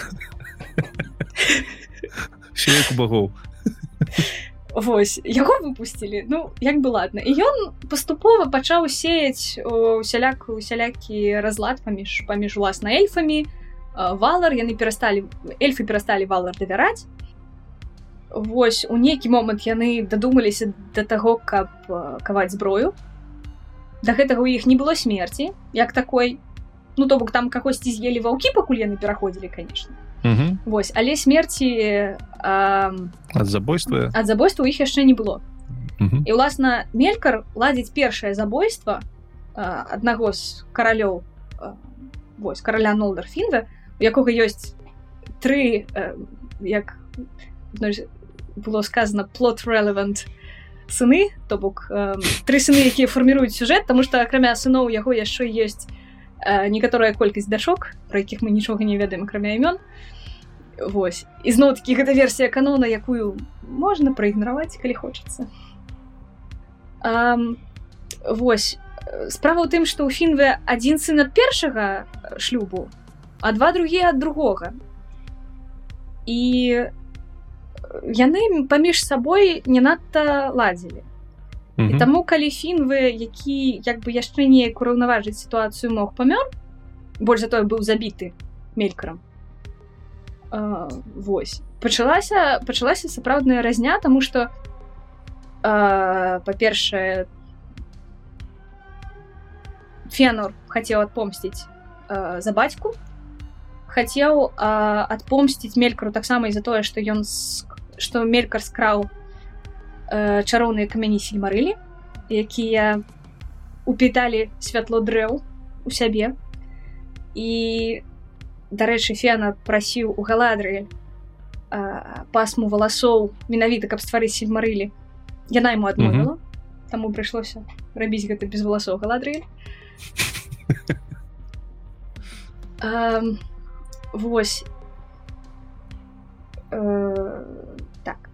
что это гэта лас власна жаданне феанора валар э, у той момант э, перажывалі крызіс таму что акрамя таго что мелькар забіў э, фінве скраў сельмарылі ён яшчэ паклікаў вялікую павучыху унголіант якая э, сажала два дрэвы і высмактала з іх усю сілу ось адкуль з'яўляецца гэта павучыха? Е хтосьці стварае тому что у сусвеце ж там шмат других істотаў якія таксама існуюць адкуль яны з аднаго боку можа падасца што гэты мелькар яе стварыў тому что гэта у нас э, мелькар ляжыць у аснове ўсіх усіх злых стварэнняў з аднаго mm -hmm. боку з іншага боку яна падаецца як нешта асобнае то бок Мачыма гэта нейкая такая хтанічная істота у тым сэнсе што яна вось выйшла з самой зямлі mm -hmm.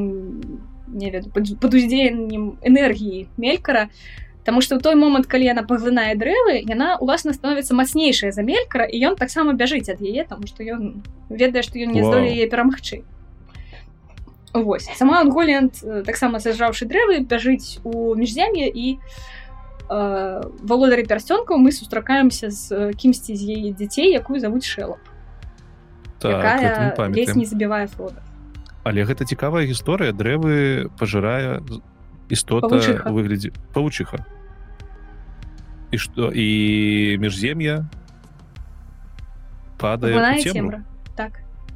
Ух ты ж. І ў той момант валдар кажуць фянор у цябе такія класныя камяні дай іх нам мы з іх марылі вернем... прабач сельмарылі гэта просто камяні які ён насіў кароне по-моему вось просто просто упрыгожанні вельмі вялікага майстэрства тому что э, маці феанора напрыклад э, памерла ну як бы у яе пасля нараджэння феанора была вельмі моцная пасляродавая дэпрэсія Таму что ён як бы з яе у Э, высмактаў усю сілу там тому что у яго быў вельмі палымяны дух. Вось ён патрабаваў вельмі вельмі шмат э, сіл каб нарадзіцца Вось там з мірель з ягонай маці асобная вельмі доўгая гісторыя якая прывяла да таго што эльфы э, паўсюдна лічацца адналюбцамі ім не дазволена фактычна заключаць больш за один шлюб Таму что у іх няма сітуацыі пакуль смерть не разлучыць нас. Угу. калі адзін з эльфаў памірае ён як бы застаецца ў ардзе і як бы у нейкі момант ён можа вярнуцца са свету мёртвых а у цябе ўжо тут другая жонка другая сям'я і 5 дзяцей новых. Эльфы могуць павяртацца у рэчаісны мир Ух ты ж плод твіст не ад- адным з такіх эльфаў быў дарэчы глорфіндел які сустракаў фрода у рывенделя калі памятаеш такого.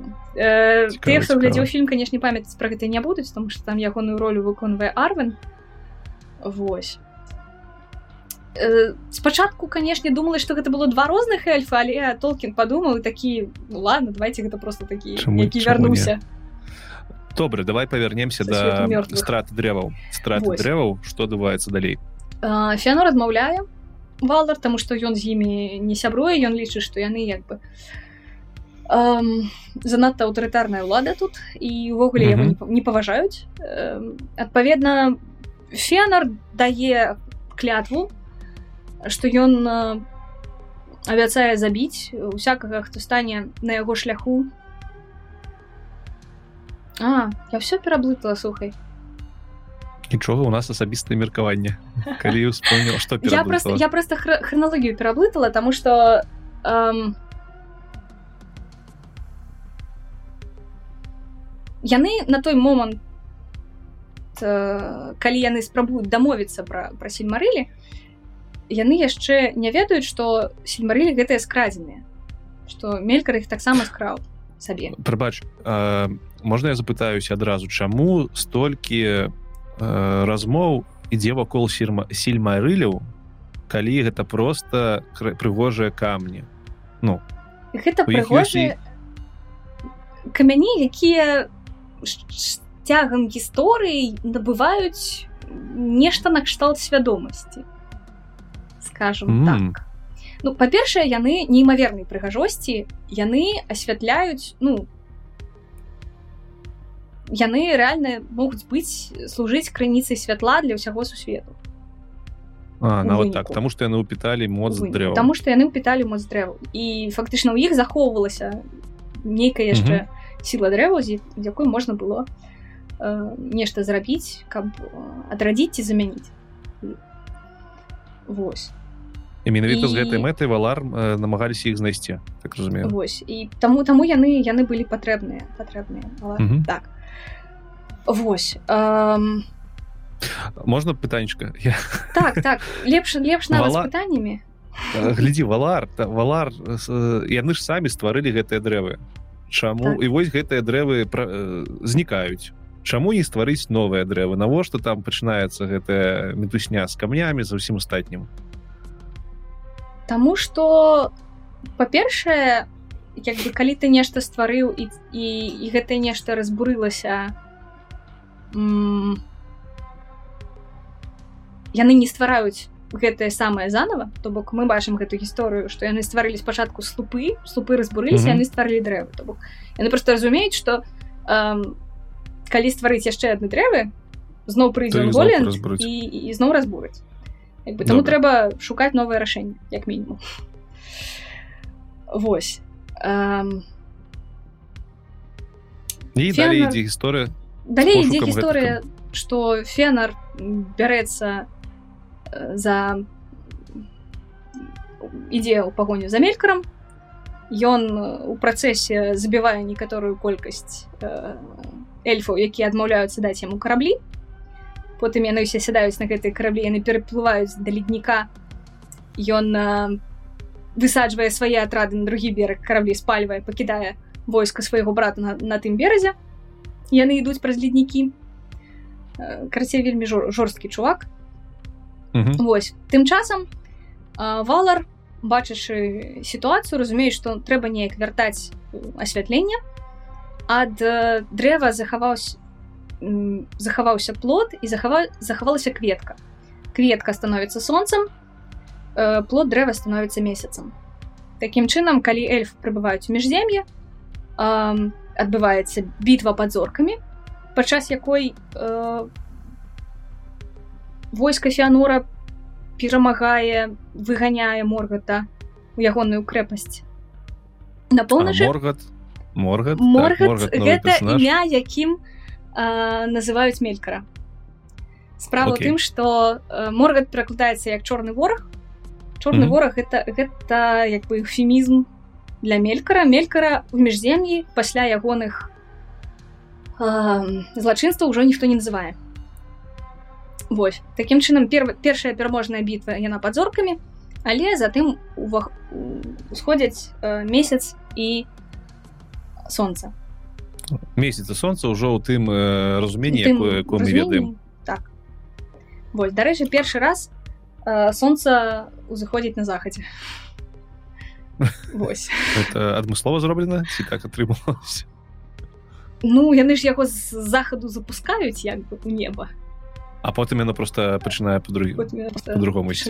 круціцца Окей. з таго боку. Цікава цікава гэта ўсё яшчэ эпоха да эпох Вось гэта все ну вось вось у нас узыходзіць нарэшце э, сонца і у нас нарэшце пачынаецца першая эпоха э, вось наконец-таки дайшлі першай гадзіны размовы мы нарэшце дайшлі до нулявой до нулявога пункту. Так бы мовіць. Вось. Глядзі, глядзі што цікава тут трэба спасылачку можа зрабіць на той самы серыял які ніхто з толкіністаў не, не любіць Таму што ў гэтым серыяле э, былі паказаны як дрэвы так і людзі і дрэвы былі паказаны ва ўспамінах галадрэль а потым уже былі там людзі на мінор усё гэта. Тут трэба разумець што гэта здаравенны прамежак часу. Э, гэ- паміж успаміна успамінамі галадрэль і тым што адбывалася. Так гэта як мінімум 2000 гадоў. Больш нават за 2000 гадоў. І за што закідваюць часта мне мае сябры якія глядзелі серыял і там не ведаюць чагосьці яны закідваюць што чаму ну гэта кшталту гэта пра- гэта памылка серыялу ці так на саму насамрэч было. Эльфы жывуць вельмі шмат гадоў. Э, і там галадрэль у тым серыяле паказваецца як э, у яна ва ўспамінах ужо дарослая знешне але паводзіць сябе як дзяўчына а потым там праходзіць не ведаю тысяча гадоў і незразумела колькі для яе праходзіць гадоў тому что яна ўсё так жа выглядае але яна ўжо такая му мудрая жанчына якая ўсё ведае ў жыцці ідзе там звяргаць усіх подряд. Ну скажем так варта адзначыць что ну не тое каб такое якая показана ў серыяле тому что у серыяле ёй не хапіла самага галоўнага што ёсць у галадрэль гэта жаданне ўлады ну то бок я мы я паглядзела «Валодарі першыя песцёнкаў». чатыры серыі я я не ўбачыла там жаданне ўлады я ўбачыла там Мгм. просто дзяўчыну з мячом Вось але штука ў тым што ёсць некалькі версій як непасрэдна галадрэль трапіла ў міжзем'е таму што яна эм, яна у адной з версій э, паколькі яна там пят пятый дзіцёнак пятый дзіцёнак чацвёрты чацвёрты дзіцёнак у сям'і э, трэцяга прэтэндэнта на престол як бы вярхоўнага караля яна разумее што ёй як бы нічога не свеціць асабліва там дзе Ага. смерці няма Вось і яна такая ну блин я хочу сваё каралеўства яна збірае карабель бярэ свайго жаніха стэлеры келеборна Вось і яны як бы плывуць у міжзем'і самі па сабе паралельна бачыш што там феанор адбірае караблі. Як бы ёсць такая версія. Ёсць версія што яна э, супраць феанора білася абараняючы э, телеры таму што гэта ну таму што э, гэта як бы народ ей ейны маці. Мгм. Зразумела ёсць версія што яна просто як бы плыве з усімі там і, і тады яшчэ пакуль мы пра эльфаў не за не скончылі размаўляць там што зараз уже там пра людзей на нешта напэўна пойдзе. У мяне пытанне глобальнага характару. Калі эльфы не паміраюць але ў іх ёсць дзеці дзеці то па лой па логіке такіх падзей эльфы павінны запаланіць міжзем'я які якісьці час таму што яны наражаюць дзяцей не паміраюць у для гэта для гэтага у толкіна ёсць такое апраўданне. Па-першае эльфам не патрэбная кантрацэпцыя Таму что э, зачаць а, дзіця зах... яны mm -hmm. могуць толькі са свайго жадання то бок. Яны рашаюць што яны не хочуць яны не зачынаюць дзіця. Зразумела. По-другое цяжарнасць у эльфійскай жанчыны э, працягваецца год. І гэта фізічна і духоўна вельмі цяжкі працэс. Таму у іх нараджаецца звычайна там два-тры дзіцёнка на гэтым все заканчваецца для звычайных эльфаў. Але не для феанораў які быў якога быў вельмі плымяны дух і у якога сем сыноў. А калі пачытаць фанфікі дык яшчэ і некаторыя калі колькасць дашок. Ну то бок нейкія механізмы ограничвай ограничэнне ну, так. колькасць эльфаў яны былі ёсць ёсць механіцы сусвету добра. Ідзем рушым наперад да першай эпохі з'явілася солнце луна. Дзе там тыя людзі людзі а про людзей мы да пэўнага моманту нічога ў прынцыпе не ведаем. То бок uh -huh. першая сустрэча якая адбываецца з людзьмі гэта сустрэча брата галадрыэль фінрада з адным племенем якое там ёсць mm, то бок мы нават не ведаем даставерна мы нават ладно не... не ведаем калі яны прачнуліся то бок на момант сустрэчы як бы мы даведваемся што некаторыя што гэта вось людзі якія ўжо перайшлі праз горы што гэта людзі якія адкалоліся ад нейкай большай групы людзей Таму што мы ведаем што некаторыя з іх э, добровольна сталі служыць мелькару. Вось што яны э, добровольна абсалютна абралі э, цемру зло вось гэтае ўсё то бок і засталіся дзесьці там. Засталіся або на поўначы альбо на ўсходзе. Э, гэта ўсё ўсё людзі якія пасля з'яўляюцца таксама э, то бок людзі з'яўляюцца адразу у сусвеце з грахом таким так? Там з'яўляюцца з грахом. Так потому что яны былі ў цемры нешта нешта нагадвае. Нешта нагадвае Вось э, адпаведна эльфы сустракаюць людзей робяць іх сваімі можна лічыць што васаламі калі mm -hmm. я правильно разумею вось сэнсе эльфійскі эльфійскія лорды ўладараць над ну даюць як бы людзям пэўныя тэрыторыі на сваіх каралеўствах Вось і жывуць у некаторым сімбіёзе некаторым саюзе ну гэта так. такая гэта не жорсткая рабаўладальная сістэма хутчэй монархія якая якая ідзе так, до нас. так. Окей. Вось прытым што як бы у эльфаў таксама ёсць э, свой вярхоўны кароль якім да пэўнага моманту быў фенор э, фенор загінуў. Ягоны старэйшы сын э, у знак э, прымірэння с э, сваім кузенам аддаў карону яму то бок. Ён павінен быў стаць вярхоўным каралём ён аддаў э, свайму старому сябу mm -hmm. кузену э, права быць э, вярхоўным каралём но сумела.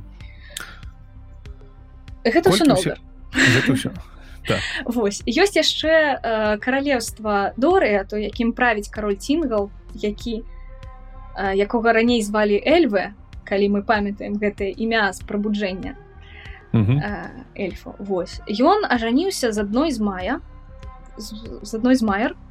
Вось, так, можна а так можна эльфы эльфы могуць з маяр там неяк так і больш таго яны нават э, скрэшвацца могуць Таму што ў іх нарадзілася дачка невер'емнай прыгажосці сілы гэтая дачка якраз і ёсць э, люцін у цінгла атрымалася займець э, пэўныя пэўную перава... пэўную пэўную перавагу на тэрыторыі таму што на тэрыторыю ўсяго ягонага Э, каралевства ў выніку пакрывала чароўная завеса меліан якая абараняла ад усяго зла якое э, спрабуе ўвайсці ў каралевства mm -hmm.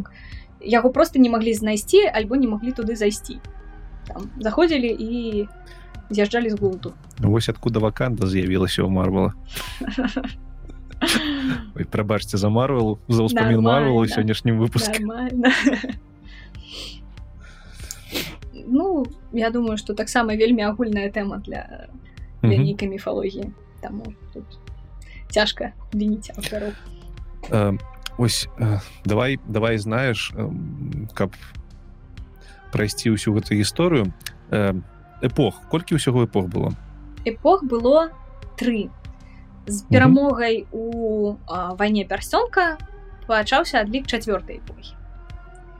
Про якую мы не ведаем тому что она не написана про, про якую мы ведаем першыя 30 гадоў калі я не па, не павыляюся калі фрода яшчэ у міжзем'е калі ён спрабуе ачуняць ад сваёй раны і ён урэшце сплывае.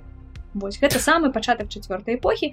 І яна не дапісаная гэта гаворыцца прама ў тэксце тому что фрода аддае цэму кніжку і кажа астатнія старонкі для цябе як бы астатнія ну, зразумела і атрымліваецца што між падзеямі владары пісцёнкаў і тым аб чым мы ўжо пагаварылі было як мінімум дзве велізарныя бойкі пераход так. з першую другую з другую третью так пераход э, з першую другую адбыўся пасля э, некаторых вельмі трагічных і вельмі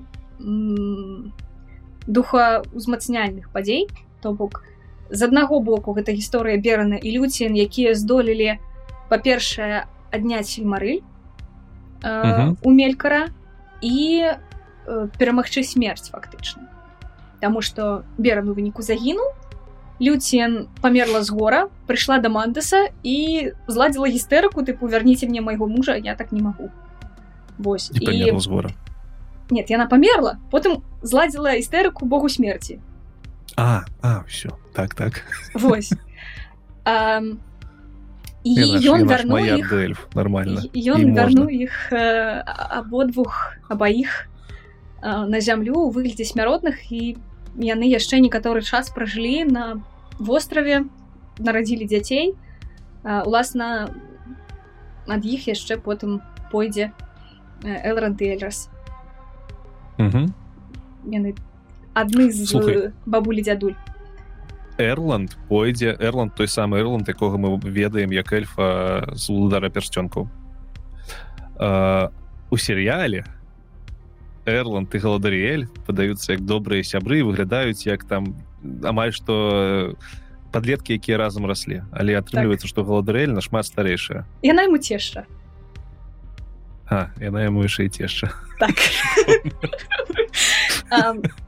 Таму ад большасці фанатаў насамрэч я бачыла такія мемы тыпу не, не тое што галадрыль гэта такая малі... такое маленькае дзяўчо якое спрабуе там чагосьці дамагчыся а просто старая маразматычная бабка ну, так ну, там просто па серыялу выглядала што іх зараз любоў будзе ну, так, там, там пары месцаў такое Вось, эм, яна насамрэч могла бы быць яму ну паколькі эльранд у нас застаўся сіратою пэўны пэўны момант потому что ягоныя бацькі взяли сельмары і паехалі у валенар каб валары далі войска перамагчы мелькара. Восьось бацькоў звалі эльвинг і эрэндель эльвинг дачка дыора які сын вераны люція. Восьось то бок гэта гэта вось тыя падзеі якія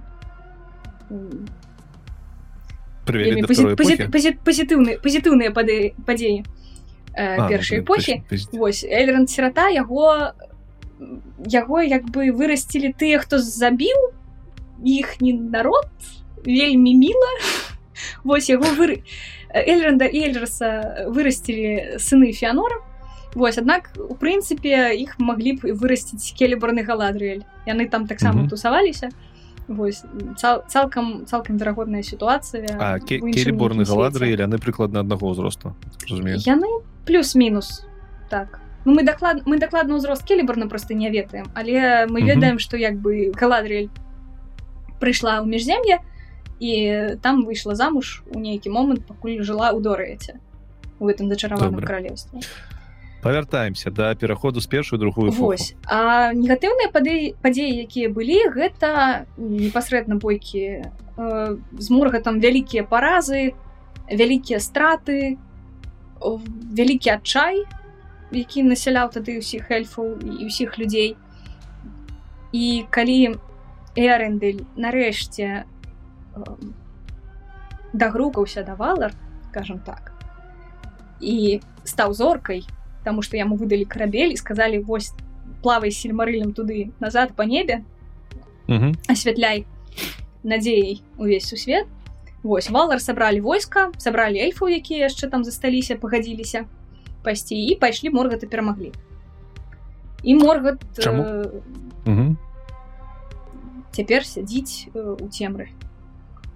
Чаму валар не чаму валарам трэба было збіраць чаму валар бачце не склоняецца трэба было збіраць эльфаў для того каб пайсці з бойкай на моргата чаму яны самі сфер звыш істоты пайшлі б да самі яго як заўсёды пасадзілі потым крэсцікам пальца злучыў і выйшаў. Ну па-першае гэта я думаю было важна для прымірэння тых плямёнаў эльфаў якія адно аднаго парэзалі mm. Вось. Палітыка палітыка як бы па-першае я думаю что гэта гэта нейкая палітыка по-другое ну калі вал валар будуць змагацца з мелькаром все астатнія будуць рубіць оркаў все лагічна а ну так дакладна ну, дакладна дакладна мелька же там не адзін сядзіць так добра мы прыйшлі да второй эпохі да другой эпохі мы пакуль пра яе не будзем гаварыць бо ў мне ёсць некалькі пытанняў фундаментальных грунтовых я б сказаў першае пытанне ці ў гэты час вось у гэты да эпоху першую эпоху уже з'яўляюцца істоты ну якіх мы добра ведаем гэта гэндальф саруман де саурон ну назовем их магамі напэўна хай гэта будуць магі. Яны існуюць у гэтым сусвеце яшчэ у форме мая. Гэндальф служыць багіні скорбі не не. Яго клічуць оларын. Саруман і саурон служаць ауле іх клічуць адпаведна сарумана куруме Э, сауруна майрон. Але яны... яны ў фізічным э, стане яшчэ не існуюць яны існуюць не яны існуюць як як ангел. Ну, то бок яны існуюць у фізічным свеце Вось але яны э, пакуль боствы яны пакуль не ўмешваюцца у справы, справы людзей акрамя майрана якога у нейкі момант мелька сяброўства з мелькарам які там таксама разам заўле тусаваўся ператварае у цёмнага мая ён далучаецца да мелькара і разам з ім у нейкі момант э, бяжыць у міжзем'е і таксама э, засноўвае там сваю крэпасць у яго там як бы і ён становіцца як бы правай рукой мелькара. Так зразумела. Э, хобіцы хобіцы яны ўжо існуюць у гэты момант? І адкуль увогуле хобіты з'яўляюцца хобіты гэта вельмі загадкавыя істоты хутчэй за ўсё яны з'яўляюцца дзесьці э, у трэцяй эпосе Вось. Mm -hmm. нав нават не ў другой. Э, ну добра яшчэ дойдзем доўжыцца таксама 3000 гадоў Вось там таксама ёсць дзе разгарнуцца таксама як якая? Як і другая? Э, другая як перша? трошки менш за 3000 гадоў доўжыцца першая самая кароткая першая э, трохі менш за 500 гадоў добра. Тады ідзем до другой эпохі. Что знакавага адбываецца вось да да перахода ў трэцюю? Пасля глобальна э, пасля перамогі над мелькарам э, эру валар валар першую чаргу бачаць э, што людзі праявілі сябе з вельмі добрай добрага боку. Вось э, і яны спецыяльна для людзей стварылі вялікі востраў у форме зоркі нумінор. які назвалі нумінор. Такім чынам э, першым каралём гэтага вострава стаў брат эльранда элрас Ён узяў у пэўных людзей э, людзей трох высакародных дамоў скажем так. Там mm -hmm. люди падзяляліся яшчэ на, на тры дамы в залежнасці ад таго як якому які эльф быў іхнім сюзерэнам Вось ён сабраў усіх гэтых людзей яны пераехалі на востраў нам пачалі будаваць э, сваю цудоўную дзяржаву. Что такое прабач что такого цудоўнага ў востраве ну гэта выглядае так ці э, тыпу ну вы малайцы вось вам кавалак э, глебы паміж вады просто рабіце что хаце Ну у першую у першую чаргу гэта зямля якая ніколі не належала эльфам. І з эльфамі дзяліць не трэба. Угу. э, Вось. Э, але кароль усё ж таки эльф. Кароль ці не. Першы кароль кароль. ён напаў эльф.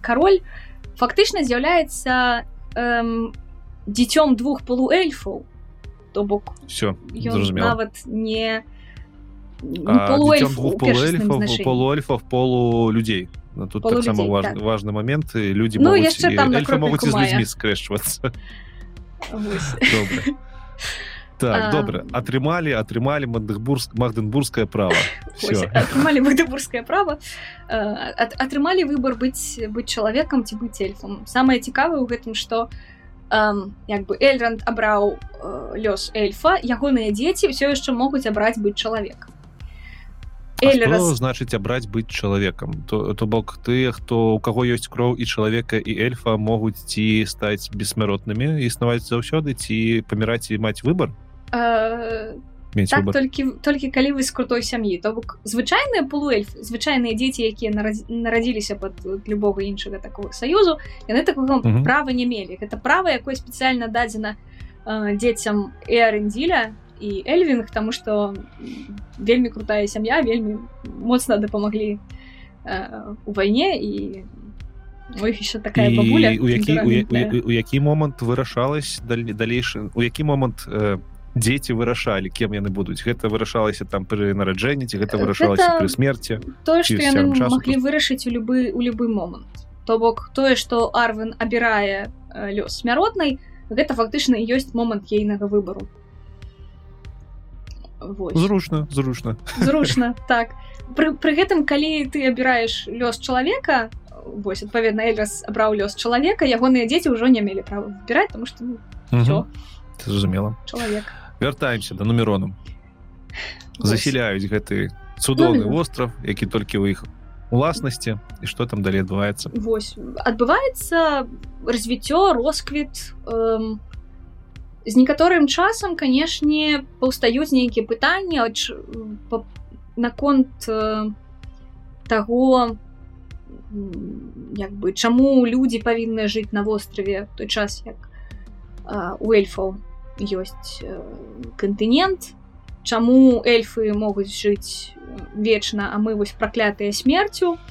З цягам часу э, таксама і працягласць жыцця таксама скарачаецца тому что напрыклад эльрас ён жыў 500 гадоў ён у нейкі момант просто саступіў свой трон э, свайму Не- нават не сыну а ўнуку Ну але ж ён быў і полуэльфам ён быў полуэльфу З гэтага боку зразумела.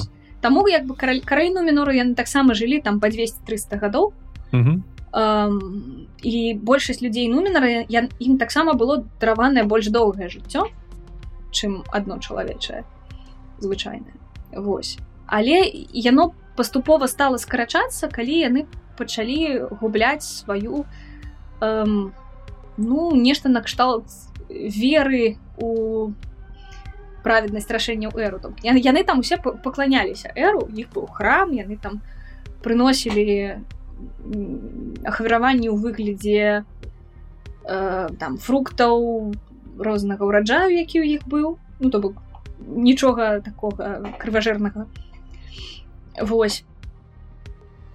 Але нумінар пачаў згасаць Таму што гэта натуральны парадак рэчаў ці што. Мгм. у гэты момант э, сауран вырашае што вельмі круто было б э, пайсці панакруцеліць. Ён э, ён прыбывае нумінар кажа што ён э, галоўны жрец мелькара галоўны там пасланец э, вялікага бога. Вось і паступова пачынае канвертаваць прамываць людзям мазгі наконт таго якое боства правільнае каму правільна пакланяцца хто дасць людзям лепшае жыццё. Вось і паступова рэлігія ператвараецца ў пакланенне мелькару там з чалавечымі ахвяраваннямі вось з вялікімі рэпрэсіямі у бок тых хто яшчэ захоўвае нейкую прыхільнасць да эльфаў. Мгм. Вось і все такое. Але гэта менавіта што ўжо пасля таго як прыйшоў э, саурон які не назваўся канешне саураном ён э, прыкінуўся іншым вельмі прыгожым вельмі прывабным э, чалавекам то бок э, высокороднага паходжання. Зараз мне пытанечка. Пытанечка пытанечка. Э, якое пытанечка пытанечка такое. Па-першае саурон ужо існуе ў рэчаіснасці не як анёла як нейкае фізічнае уяўленне чалавека там. Чалавекам уже ён напэўна чалавекам прадстаўляўся так. ну, ён яшчэ умее ператварацца ў летучую мыш але гэта ну вупыр. Дарэчы у першай версіі ён ператвараўся ў кота вялікага. Толкі не люблю катоў карацей что цікава? Цікава зноўку ты казала что ты глядзела такі чатыры серыі серыялу. Можа там ужо саурон ну там уже было зразумела хто з гэтых персонажаў саурон па па версіі серыялу. Ну так той самы прывабны хлапец які падабаўся гладрэлі спас я по серыялу. Спойлеры там ён ён саурон мне вось цікава у падзеі гэтага серыялу гэта апісана менавіта вось гэты час калі саурон у нумерон прыходзіць і пачынаю сваю рэлігію э, звяргаць Э, не яны там ўсё, яны там все намяшалі ў одну кучу. То бок а, мы ну, напрыклад... на сериал вообще увогуле арыентавацца не, не трэба не тому что мы бачым напрыклад э, тармірэль каралеву і арфаразона які з'яўляецца ім советнікам дарэчы яны там э, жанатыя ў серыяле ці не так так так. А, ну тады плюс-мінус блізка да канону але справа тым что як бы вось э, гэтыя палітыка мірэль па зачыненасці вострава у серыяле показана як нейкая самастойная палітыка Таму что ну як бы яно адбываецца ўсё само по сабе і тут прыбывае саурон. І нешта там яшчэ робіць. Нічога ён там не робіць асабліва. Вось. Ну. ці прынамсі ці прынамсі ў серыяле нам не паказваюць як ён гэта ўсё падстрайвае Не там увогуле эпізадычна з'яўляецца ну да так напэўна я просто думаю можа гэта нейкі другі час тому что ён жа ён ён калі прыходзіў ён прадстаўляўся рознымі імёнамі. І можа у серыяльным паказваюць нейкі там другое ці трэцяе яго з'яўлення ў нумероне. У рамках серыяла гэта магло б працаваць скажем так. Тарміры сапраўды з'яўляецца апошняй апошняй каралевай нумінора собственно уласна пасля пасля яе як бы востраў затопіць. Спойлеры. Разобраліся. Добра не будем э, э, мы сёння ўвесь выпуск вам спойлерым серыал таму не крыўцеся все добра. Вяртаемся вяртаемся до таго часу калі саурон прыходзіць і пераводзіць людзей нумерону у веру у моргата. Ну так. Ну мелькора. Так. Э, ну... я так разумею гэта я так разумею гэта подводка я не ведаю але мне падаецца что гэта подводка да перахода з другую третью эпоху з знікненнем нумінору ці не? А, не зусім яно адбываецца ну, гістарычных рамках канешне плюс-мінус у один час что э, заканчэнне нумінору яно прыводзіць э, да пэўных змен. Але э, ўсё-таки у нас ёсць яшчэ некаторы прамежак часу калі саурон вяртаецца ў міжзем'я там ён прапануе супрацоўніцтва келебрымбару які шукае нейкі спосаб захаваць міжзем'я ў тым стане якім яно зараз тому что ён бачыць таксама што сіла згасае што прыгажосць сыходзіць што мір старэе свет старэе і ён хоча стварыць нешта для ацалення гэтага свету нешта для яго захавання. І мелькар прыход э, саурон прыходзіць э, таксама замаскіраваўшыся прадставіўшыся э, тым хто дорыць падарункі яго на імя Анна тар той, хто прыносіць падарункі. Вось і келебрымбар покупаецца покупаецца саенціст саенціст гэта, гэта каваль з міру эльфа каваль эльфійскі ён унук ну, сіянора які стварыў сельмарылі то бок над ім яшчэ і вісіць слава ягонай сям'і. Вось ён пачынае працаваць разам сауранам не ведаючы што гэта сауран ёсць яшчэ канешне тры вельмі важныя эльфы якія ў той момант удзельнічалі у працэсах. Міжземі гэта галадрель гэта эльрант і гэта кароль гілгалат. На кароль Окей. Ён ён як бы заўсёды быў з намі ментальна.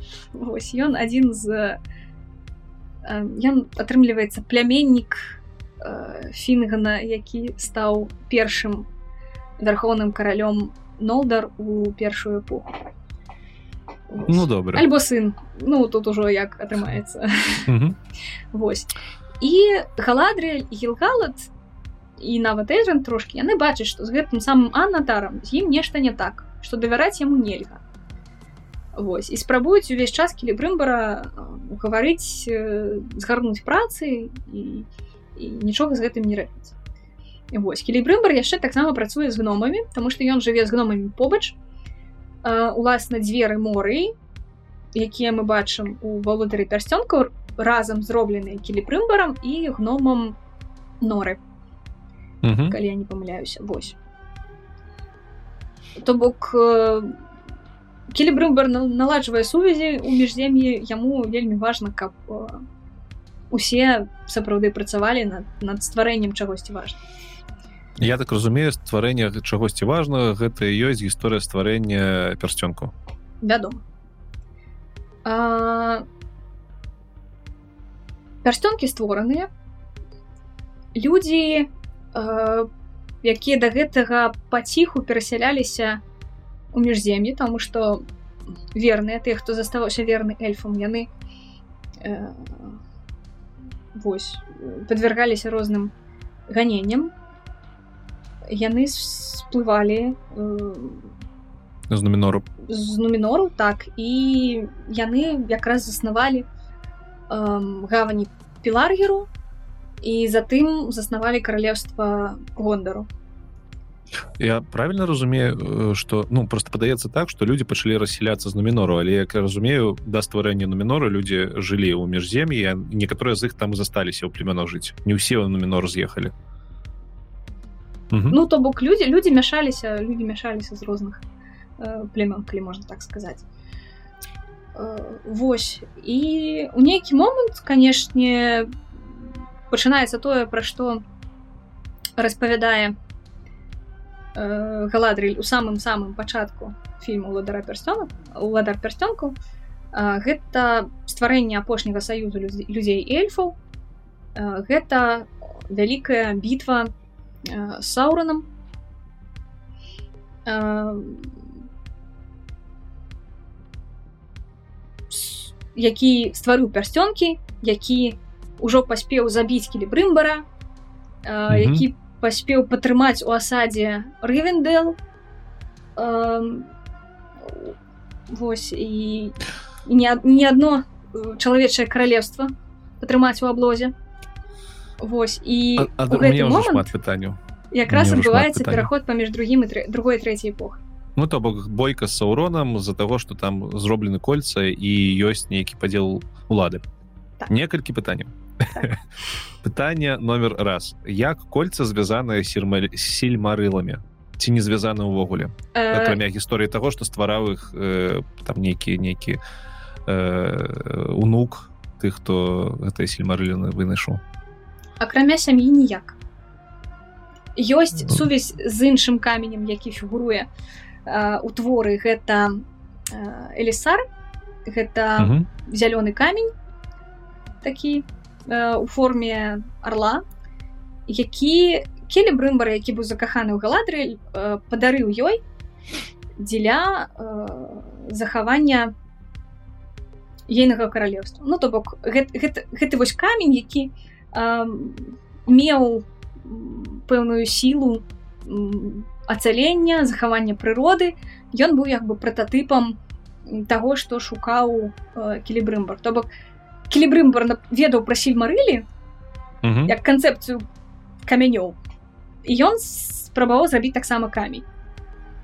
Вось. По А сваёй потым- магутнасці гэты камень ён быў ён быў ён быў на на, на, на, данный ён мог нешта рабіць так? Ён быў магутны ці не? Ці гэта Ну, просто прыгажосць якая Ён меў пэўную сілу, але нельга назваць яго дастаткова магутным ну то бок як мы бачым келібрымбар не кінуў ідэю рабіць нешта далей таму што Мгм. сіла гэтага каменю канешне была меншая чым у пярсцёнкаў далей. І якія матывы былі э, с- не, не матывы зразумелы с, хаця не зразумела пярсцёнкі улады пярсцёнак улады. Ён самы галоўны так? Так я пачынаю блытацца крыху прабач. Пярсцёнкі матывацыя саурона як ты кажаш была ў тым каб э, неяк зрабіць гэты мір лепш. Ну гэта матывацыя келібрымбара была у тым каб так. зрабіць гэты свет лепш. А саурона? Матыва... матывацыя саурона была падабрацца да эльфаў як мы бачым стварэнне гэтых самых пярсцёнкаў ён потым здолеў звязаць са сваім адзіным пярсцёнкам што дапамагала яму эм, захопліваць уладу далей. міжзем'ем то бок для яго гэта было пытанне ўлады. Так. ці пытанне знішчэння эльфаў ці пытанне А, службы маргату справа ў тым што вельмі цяжка аддзяліць здесь тут знішчэнне э, людзей эльфаў усіх астатніх. І пытанне ўлады тому што у саурана вельмі перакручанае ўяўленне про тое што такое ўлада. Абсалютная ўлада над сусветам абсалютны нейкі кантроль кантроль над э, лёсамі у тым ліку тых хто жыве ў гэтым свеце тут у мяне п- пытанне ўжо не па зместу а па па як ты лічыш можаце ці можа быць э, саурон нейкай алегорыі на гітлера і тое што ў другую сусветну адбывалася Я лічу, што ён можа быць гэтай алегорыяй, таму што мы можам так вырашыць, таму што ён можа быць алегорыяй на абсалютна любога зладзея тыпу. ну так Ён можа быць алегорыяй на полпота. але просто ну у галаве падаецца што Вось. пісалася гэта прыблізна ў той жа час калі адбываліся падзеі між першай і другой сусветнай ну это так М, Мне Так. здаецца проста у момант вайны чалавек асабліва які сядзіць дома, які толькі чытае навіны, які атрымлівае лісты з фронту, Таму што Толкін у другую ўжо не ваяваў. Ты пачынаеш неяк больш звяртаць увагу на пытанні абсалютнасці чорна-беласці свету, на пытанні абсалютнасці зла, на ўсё гэтае чыста філасофскім сэнсе нават нават калі ты не невялікі пісьменнік а просто сядзіш дома Вось. Добра. і ёсць яшчэ такая версія ну як версія насамрэч мне нам нашмат больш падабаецца думаць што адзіны пярсцёнак гэта алегорыя на грэх на гэ... Мгм. у самым першасным сваім значэнні Таму што эм, пярсцёнак напрыклад падыходзіць усім па размеры ён ён усім па памеры пасуе Ён прапануе чалавеку тое чаго ён больш за ўсё жадае. Ён прапануе ўладу таму хто прагне ўлады ён прапануе сілу перамагчы ворага бораміру напрыклад. Ён прапануе э, гэндальфу спосаб навязаць усім добро э, то бок гэта універсальнае спакушэнне. Гэта і, і пярсцёнак ён універсальны як і грэх. М. і толькі той чалавек які чалавек э, маленькі чалавек без залішніх амбіцый чысты душой чалавек такі як сам вось гэмджы можа гэтаму граху супрацьстаяць Таму што напрыклад у сэмузе гэмджы канешне э, таксама ёсць спакушэнне што яму даюць э, уладаранне над вялікім садам магчымасць ператварыць Хто міжзем'е ў сад. Хто а гэта сэму не нічога хто не трэба Вось. А сэ- сэму нічога гэтага не трэба яму трэба сваё маленькае дрэўца свой садзік ён будзе шчаслівы Вось Э, мне як бы трактоўка як больш універсальных хрысціянскіх каштоўнасцей канешне больш падабаецца чым а гэты гітлер а гэта германія а, а, Добра, а добра. гэта авалінора гэта Амерыка дарэчы Так, калі добра. ладно Сэма Сэма пр- прабач я бачу што мы ўжо паглыбляемся ў нейкія закавулачкі а нам трэба даведацца што ж было ў канцы. Э, глядзім. Апошняе пытанне по другой эпосе у меня будзе што здарылася з нумеронам у тозе і чаму?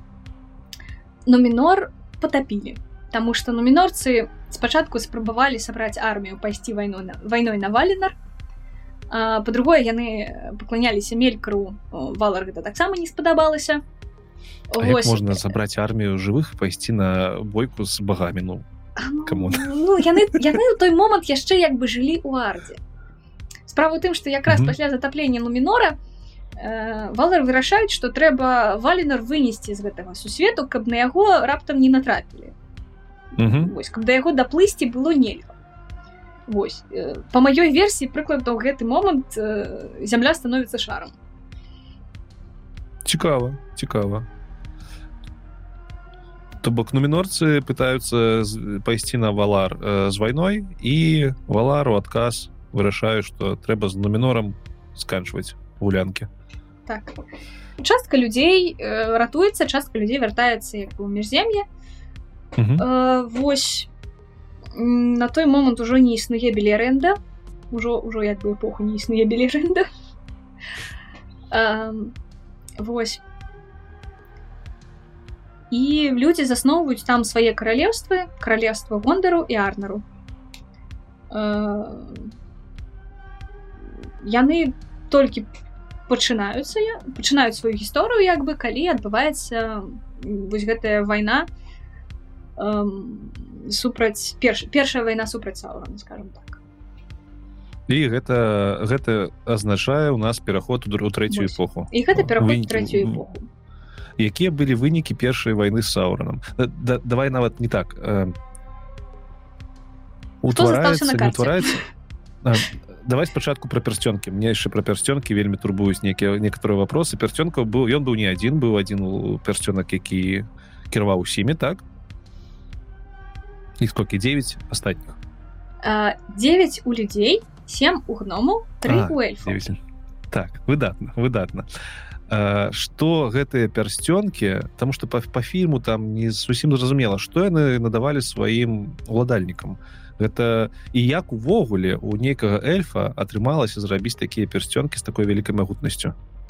Такая магутнасць у іх менавіта таму што ствараць гэтыя пярсцёнкі дапамагаў мая. Дапамагаў непасрэдна саурам больш канкрэтна. Напрыклад галадрыэль мае пярсцёнак вады. Uh, так вады.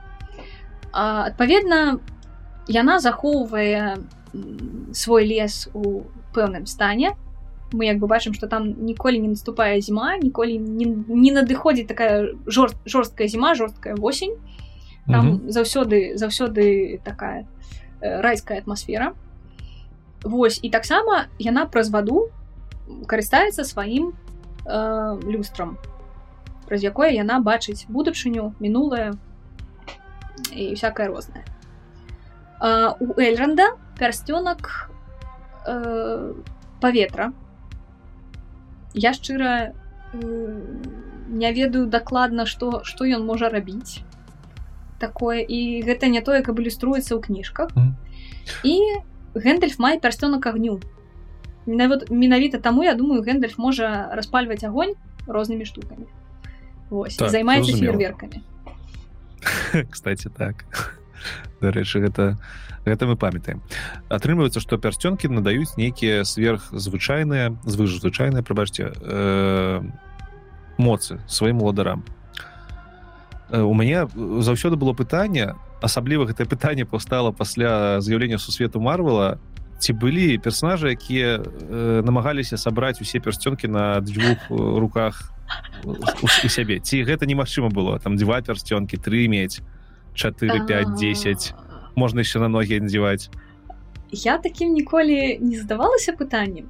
Э, па-першае напэўна таму што як бы вельмі цяжка здабыць хаця б адзін то бок для таго каб здабыць хаця б адзін пярсцёнак табе трэба э, забіць ці адабраць гэтага чалавека які на дадзены момант пярсцёнкам валоды я не ведаю што там было у гномаў якімі якой эмоцыі гэтай пярстёнкі валодалі якую якую яны мелі.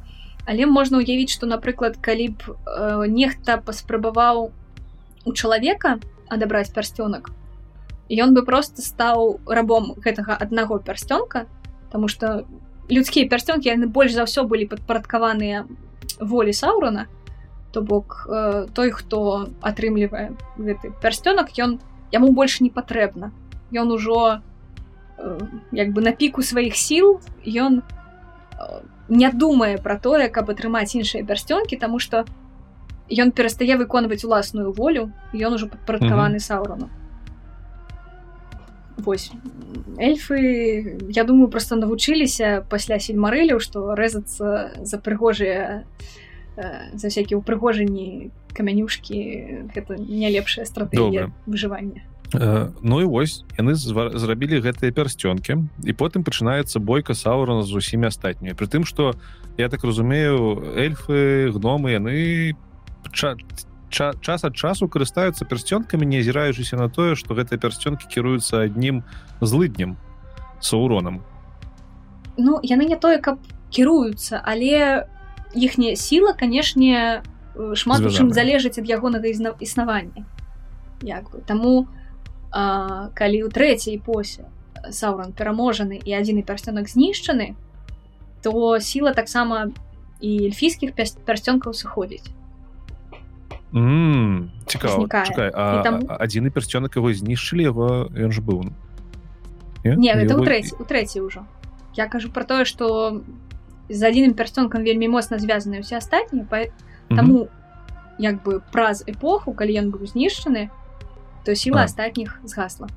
Все теперь зразумела і давай павернемся до гэтай велізарнай бойкі пераход з другую третью эпоху. то да хто там хто там за каго быў як яно адбывалася і да чаго выніку прывяло.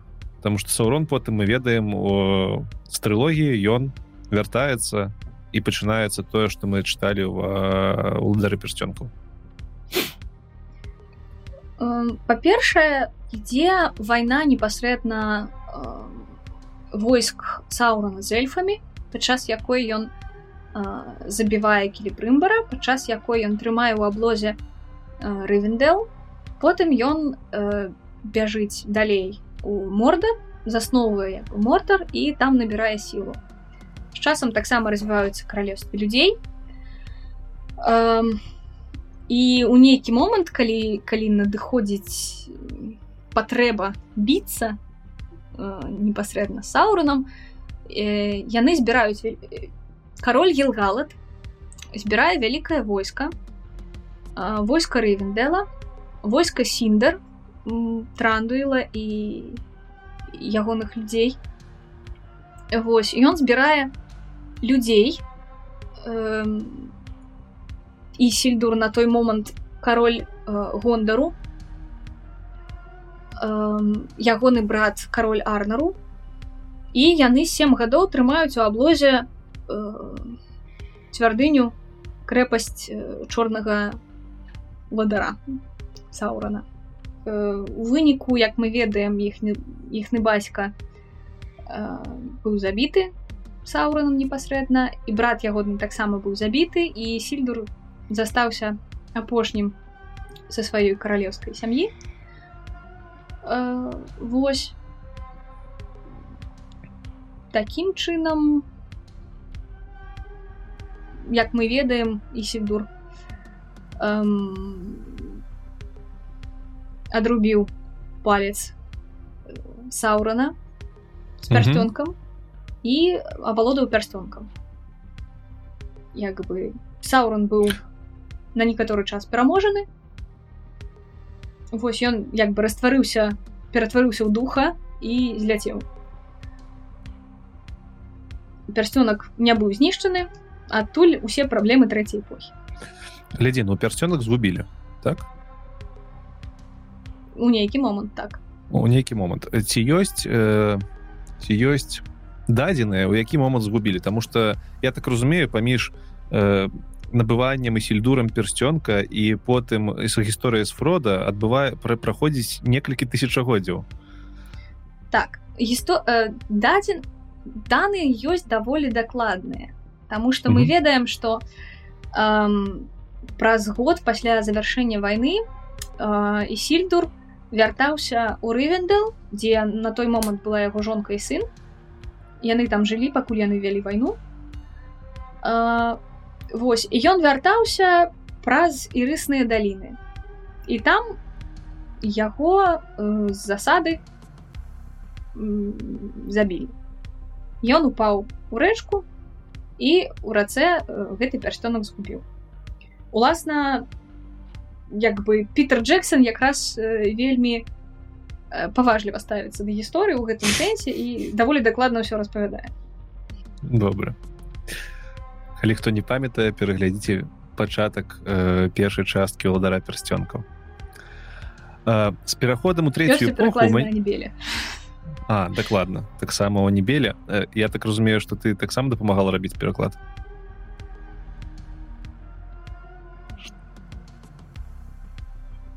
я яго і рабіла ўласна ага, А яшчэ я разумею што ў нас зараз адставанне секунд 10 калі што таму будзем так працаваць глядзі некалькі пытанняў у меня засталася першае пытанне гэта ўсё ж такі ў які час і як з'яўляюцца хобіты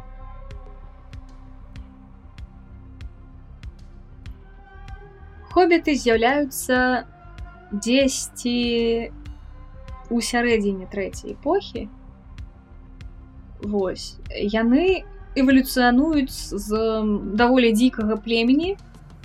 Быццам бы яны не з'явіліся ад саюзу людзей і э, трусоў але я слаба ўяўляю як гэта біялагічна магчыма. Але гэта іх унутраная легенда яны як бы хобіты таму што яны х'юманы і рэбіцы вось таму яны жывуць у норках у іх ўсё гэтае. Э,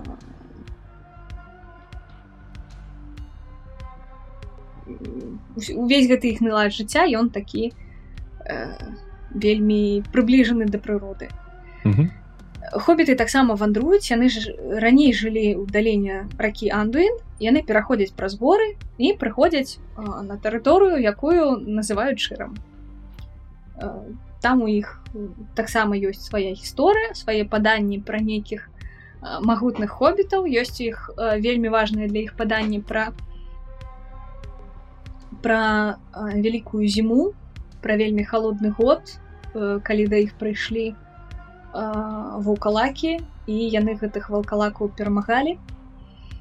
Вось гэта як бы мы мы праз гісторыю хобітаў якраз і даведваемся пра нейкія падзеі у шырокім свеце Хаця пры гэтым хобіты застаюцца вельмі замкнёнай суполкай Вось і пра знешнюю гісторыю яны ведаюць мала іх амаль не ведаюць у шырокім свеце людзей і разам ну і вельмі цяжка пабудаваць нейкую сувязь храналагічную топалагічную ну у сэнсе э, як як хобіты апісваюць сваю гісторыю і як гісторыю апісваюць людзі вось яно не супадае добра з хобітамі зразумела э, наступнае пытанне зараз мне пытанні будуць у разнабой тому что далейшую історыю уже слухачы больш-менш ведаюць пытаннічкі у мяне некаторыя засталіся мы добра ведаем что э, жанчыны у гномаў хутчэй за ўсё былі вельмі падобны да мужчынаў таму там не асоба зразумела ці былі жанчыны ці не але яны як я разумею размнажаліся звычайна як і людзі там жанчыны павінны былі быць у мяне другое пытанне. Ці былі жанчыны у оркаў? Бо мы ведаем што оркаў некаторых выводзілі. Што рабілі з первымі оркамі мне незразумела ці былі там жанчыны? Ну натуральна мусілі быць хаця мы іх не сустракаем. Тут э, зоркамі такая праблема. У оркаў якраз э, няма гістарычнай памяці.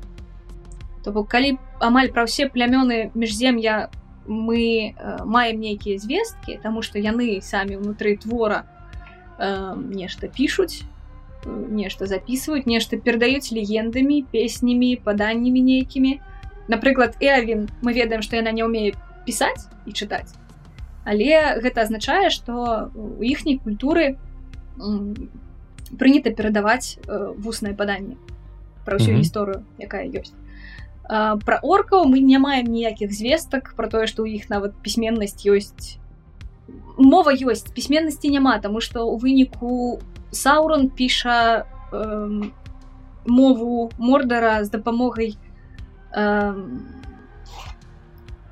эльфійскіх літар то бок надпіс які мы бачым на пярцёнку ён зроблены эльфійскімі літарамі. Это вельмі падобна да, да таго як гэта адбывалася ў спарце Таму што пра спартанцу мы ведаем толькі па тых звестках якія засталіся ад народаў якія яны збівалі забівалі. Таму што у іх таксама не было асаб ну іх была конечно з пісьменнасць але яны не займаліся летапіс летапісаннем наколькі разумею бо былі моцна вайной занятыя Вось ну ікі таксама моцна занятыя вайной і як бы зразумела што ў сусвеце толкіна вайной займаюцца ў асноўным мужчыны то і оркаў мы асноўным mm -hmm. бачым мужчын таму што мы бачым толькі войнаў і і апошняе цікавае пытанне по сусвету у мяне было. Яно но яно хутчэй за ўсё у кніжцы апісана але просто не памятаю. У фільме нам показваюць як гендальф ператвараецца там з некага гендальфа серага у гендальфа белага але разумеючы что гэта маяр які там полубог ці нават бог что что для істоты маяра адзначаюць гэтыя пераходы гендальфа? Я так разумею гэта нешта незвычайнае для других там чараўнікоў якія прысутнічаюць у сусвеце. Ці гэта звычайная нейкая сітуацыя якой маяры аказваюцца пераходзячы на новы ўзровень духовна не ведаю. Что гэта было? Ну, ён як бы атрымлівае пэўны э, пэўны новы новы ранг сваёй магутнасці у фільме не показалі даволі дзіўны можа быть трошки смешны момант у справа ў тым что ператварэнне гэндальфа у гэндальфа шэрага ў гэндальфа белага яно магчымае толькі таму что пасада сарумана белага вызваляецца то бок mm. эм, тое что мы бачым у гэты сярод гэтых чараўнікоў чар... чараўнікоў было шэры белы два сініх і карычневы. Вось э, до конца не зразумела што гэтыя колеры азначаюць але відавочна што гэта магчыма нейкія функцыі нейкія паказчыкі сілы.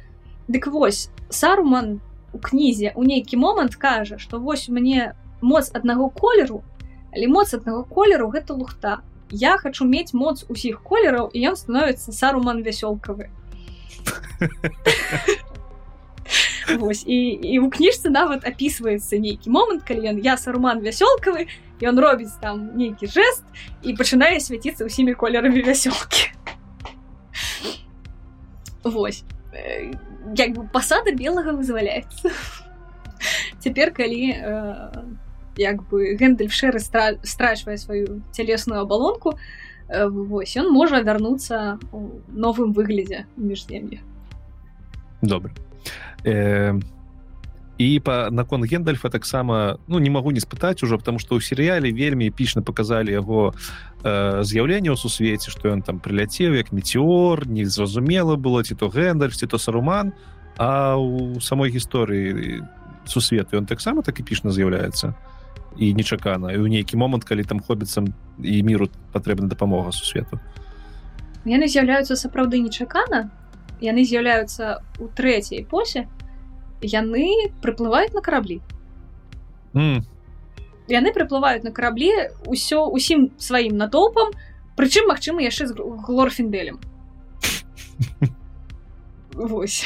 Ну, адправілі экспедыцыю з, з валенара у міжземле э, камандзіроўку okay разабраліся добра у, у мяне по сусвету гэта ўсе пытанні которые я хацеў задаць таму тебе табе вялікі дзякую за тое что э, успомніла ўсе гэтыя імёны і ўсю гэту гістарычны увесь гэты гістарычны таймлайн. Нават калі ты блыталася гэта вельмі моцна ведаць все так дасканала таму дзякуй радая была старацца Ну, а пры канцы хацеў спытаць толькі некалькі пытанняў мы ўжо так даведаліся што много фанфікаў пішацца много хто з фантастаў фэнтэзійных бярэ з толкінаўскіх кніг ідэі А мне цікава вось што ці існуюць фанфікі ці пераклады якасныя на беларускую мову таго што рабіў толкін на беларускай мове існуе некаторая колькасць фанфікаў па хобіце пра палкае мужчынскае каханне палка мужчынская я не чытала мужчынскае так каханне палкае а палка Окей Вось э, яны ляжаць э, у адпаведным раздзеле фандомным на сайте А3 Вось альбо э, як ён яшчэ называется архіў. Там прынцыпе я вельмі радая что беларуская дыяспора паціху пашыраецца. У нас ужо лік фанфікаў па ўсім што што беларусы пішуць. Э, перасягае сотні вылічаецца сотнямі. Гэта вельмі прыемна вельмі грэе душу але э, як бы рэкамендаваць гэтыя фанфікі я не магу по той простай прычыне што я іх не чытала таму я не ведаю што там адбываецца. Восьось неяк так. Ці магу я попрасіць цябе того что э... я так прабач працягвай. У нас каб вы разумелі у нас зараз таймлах прыкладна 7 секунд. Таму працягвай. Что я казала я уже не памятаю что я казала а добра тады тады э, на заканчэнне я хочу попросить тебе э, каб ты заставила нам у опісанне э, спасылки на твои любимые фанфіки пожадана на беларускай мове але калі ёсць там на ангельскай ці на других мовах таксама скидывай задавальненнем раз э, будем размяшкаць гэта ўсё опісанні каб наши слухачы могли потым і пачытаць ну любимые не абяцаю потому что я насамрэч не мне вельмі цяжка знайсці нешта на свой густ тому что ў свеце толкіна на мой густ ўсё даволі завершана. Я вельмі рэдка чытаю нейкія фанфікі апроч нейкіх таких замалёвак пра любімых персонажаў ці гэта просто там тры абзацы про тое як яны спяклі хлеб. Все ну добра найбольш цікавая по твоему меркаванню. Давайте давайте просто пакінем спасылкі на фан-фільмы тому что что мне не вельмі ну то бок тэкставая ладно А вось фан-фільмы гэта, гэта реально круто. Добра э, сябры все спасылкі шукаеце ў апісанні.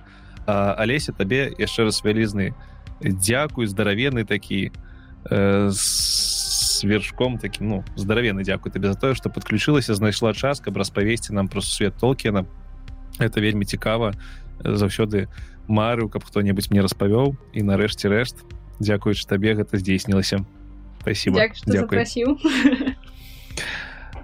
Ну, хотела побалакаць пра нешта я самая разумная прыходзь яшчэ. А вы сябры абавязкова э, подписывайтеся на небел тому что менавіта там вы можете пачуць э, над чым працуе алеся. Яна працуе там над агучкай. і увогуле не саромейцеся э, пісаць ёй у твиттары яна там адказвае таму яшчэ раз дзякую Ну і на пры канцы хочу вам сказаць что вы паслухали девятый выпуск подкасту цёмны лёс у нас сёння выпуск быў такі круху с э, калядным настроем. Я спадзяюся таму что все ж таки фэнтэзі фэнтэзі якое любіць шмат. то Таму абавязкова стаўце лайки гэтаму відео калі вы нас глядзіце ў відеофармаце стаўце свае зорачкі ды оставляйте каментары на падкаст пляцоўках гэта вельмі прасовае наш падкаст. Подписывайтеся на телеграм-канал калі гэтага яшчэ не зрабілі. І таксама можете падтрымаць проект на нашым патрыёне. Усе спасылкі будуць у опісанні самое галоўнае не згубляйте не губляйте сваю беларускасць. Побачымся ды паслухаемся у наступным выпуску. Пакуль тебе, боюсь тебе, и мне теперь неможливо сбежать от худких снов твоих аллеев. Мне быть с тобой небо небеспечно. Я бачу, як вертає час.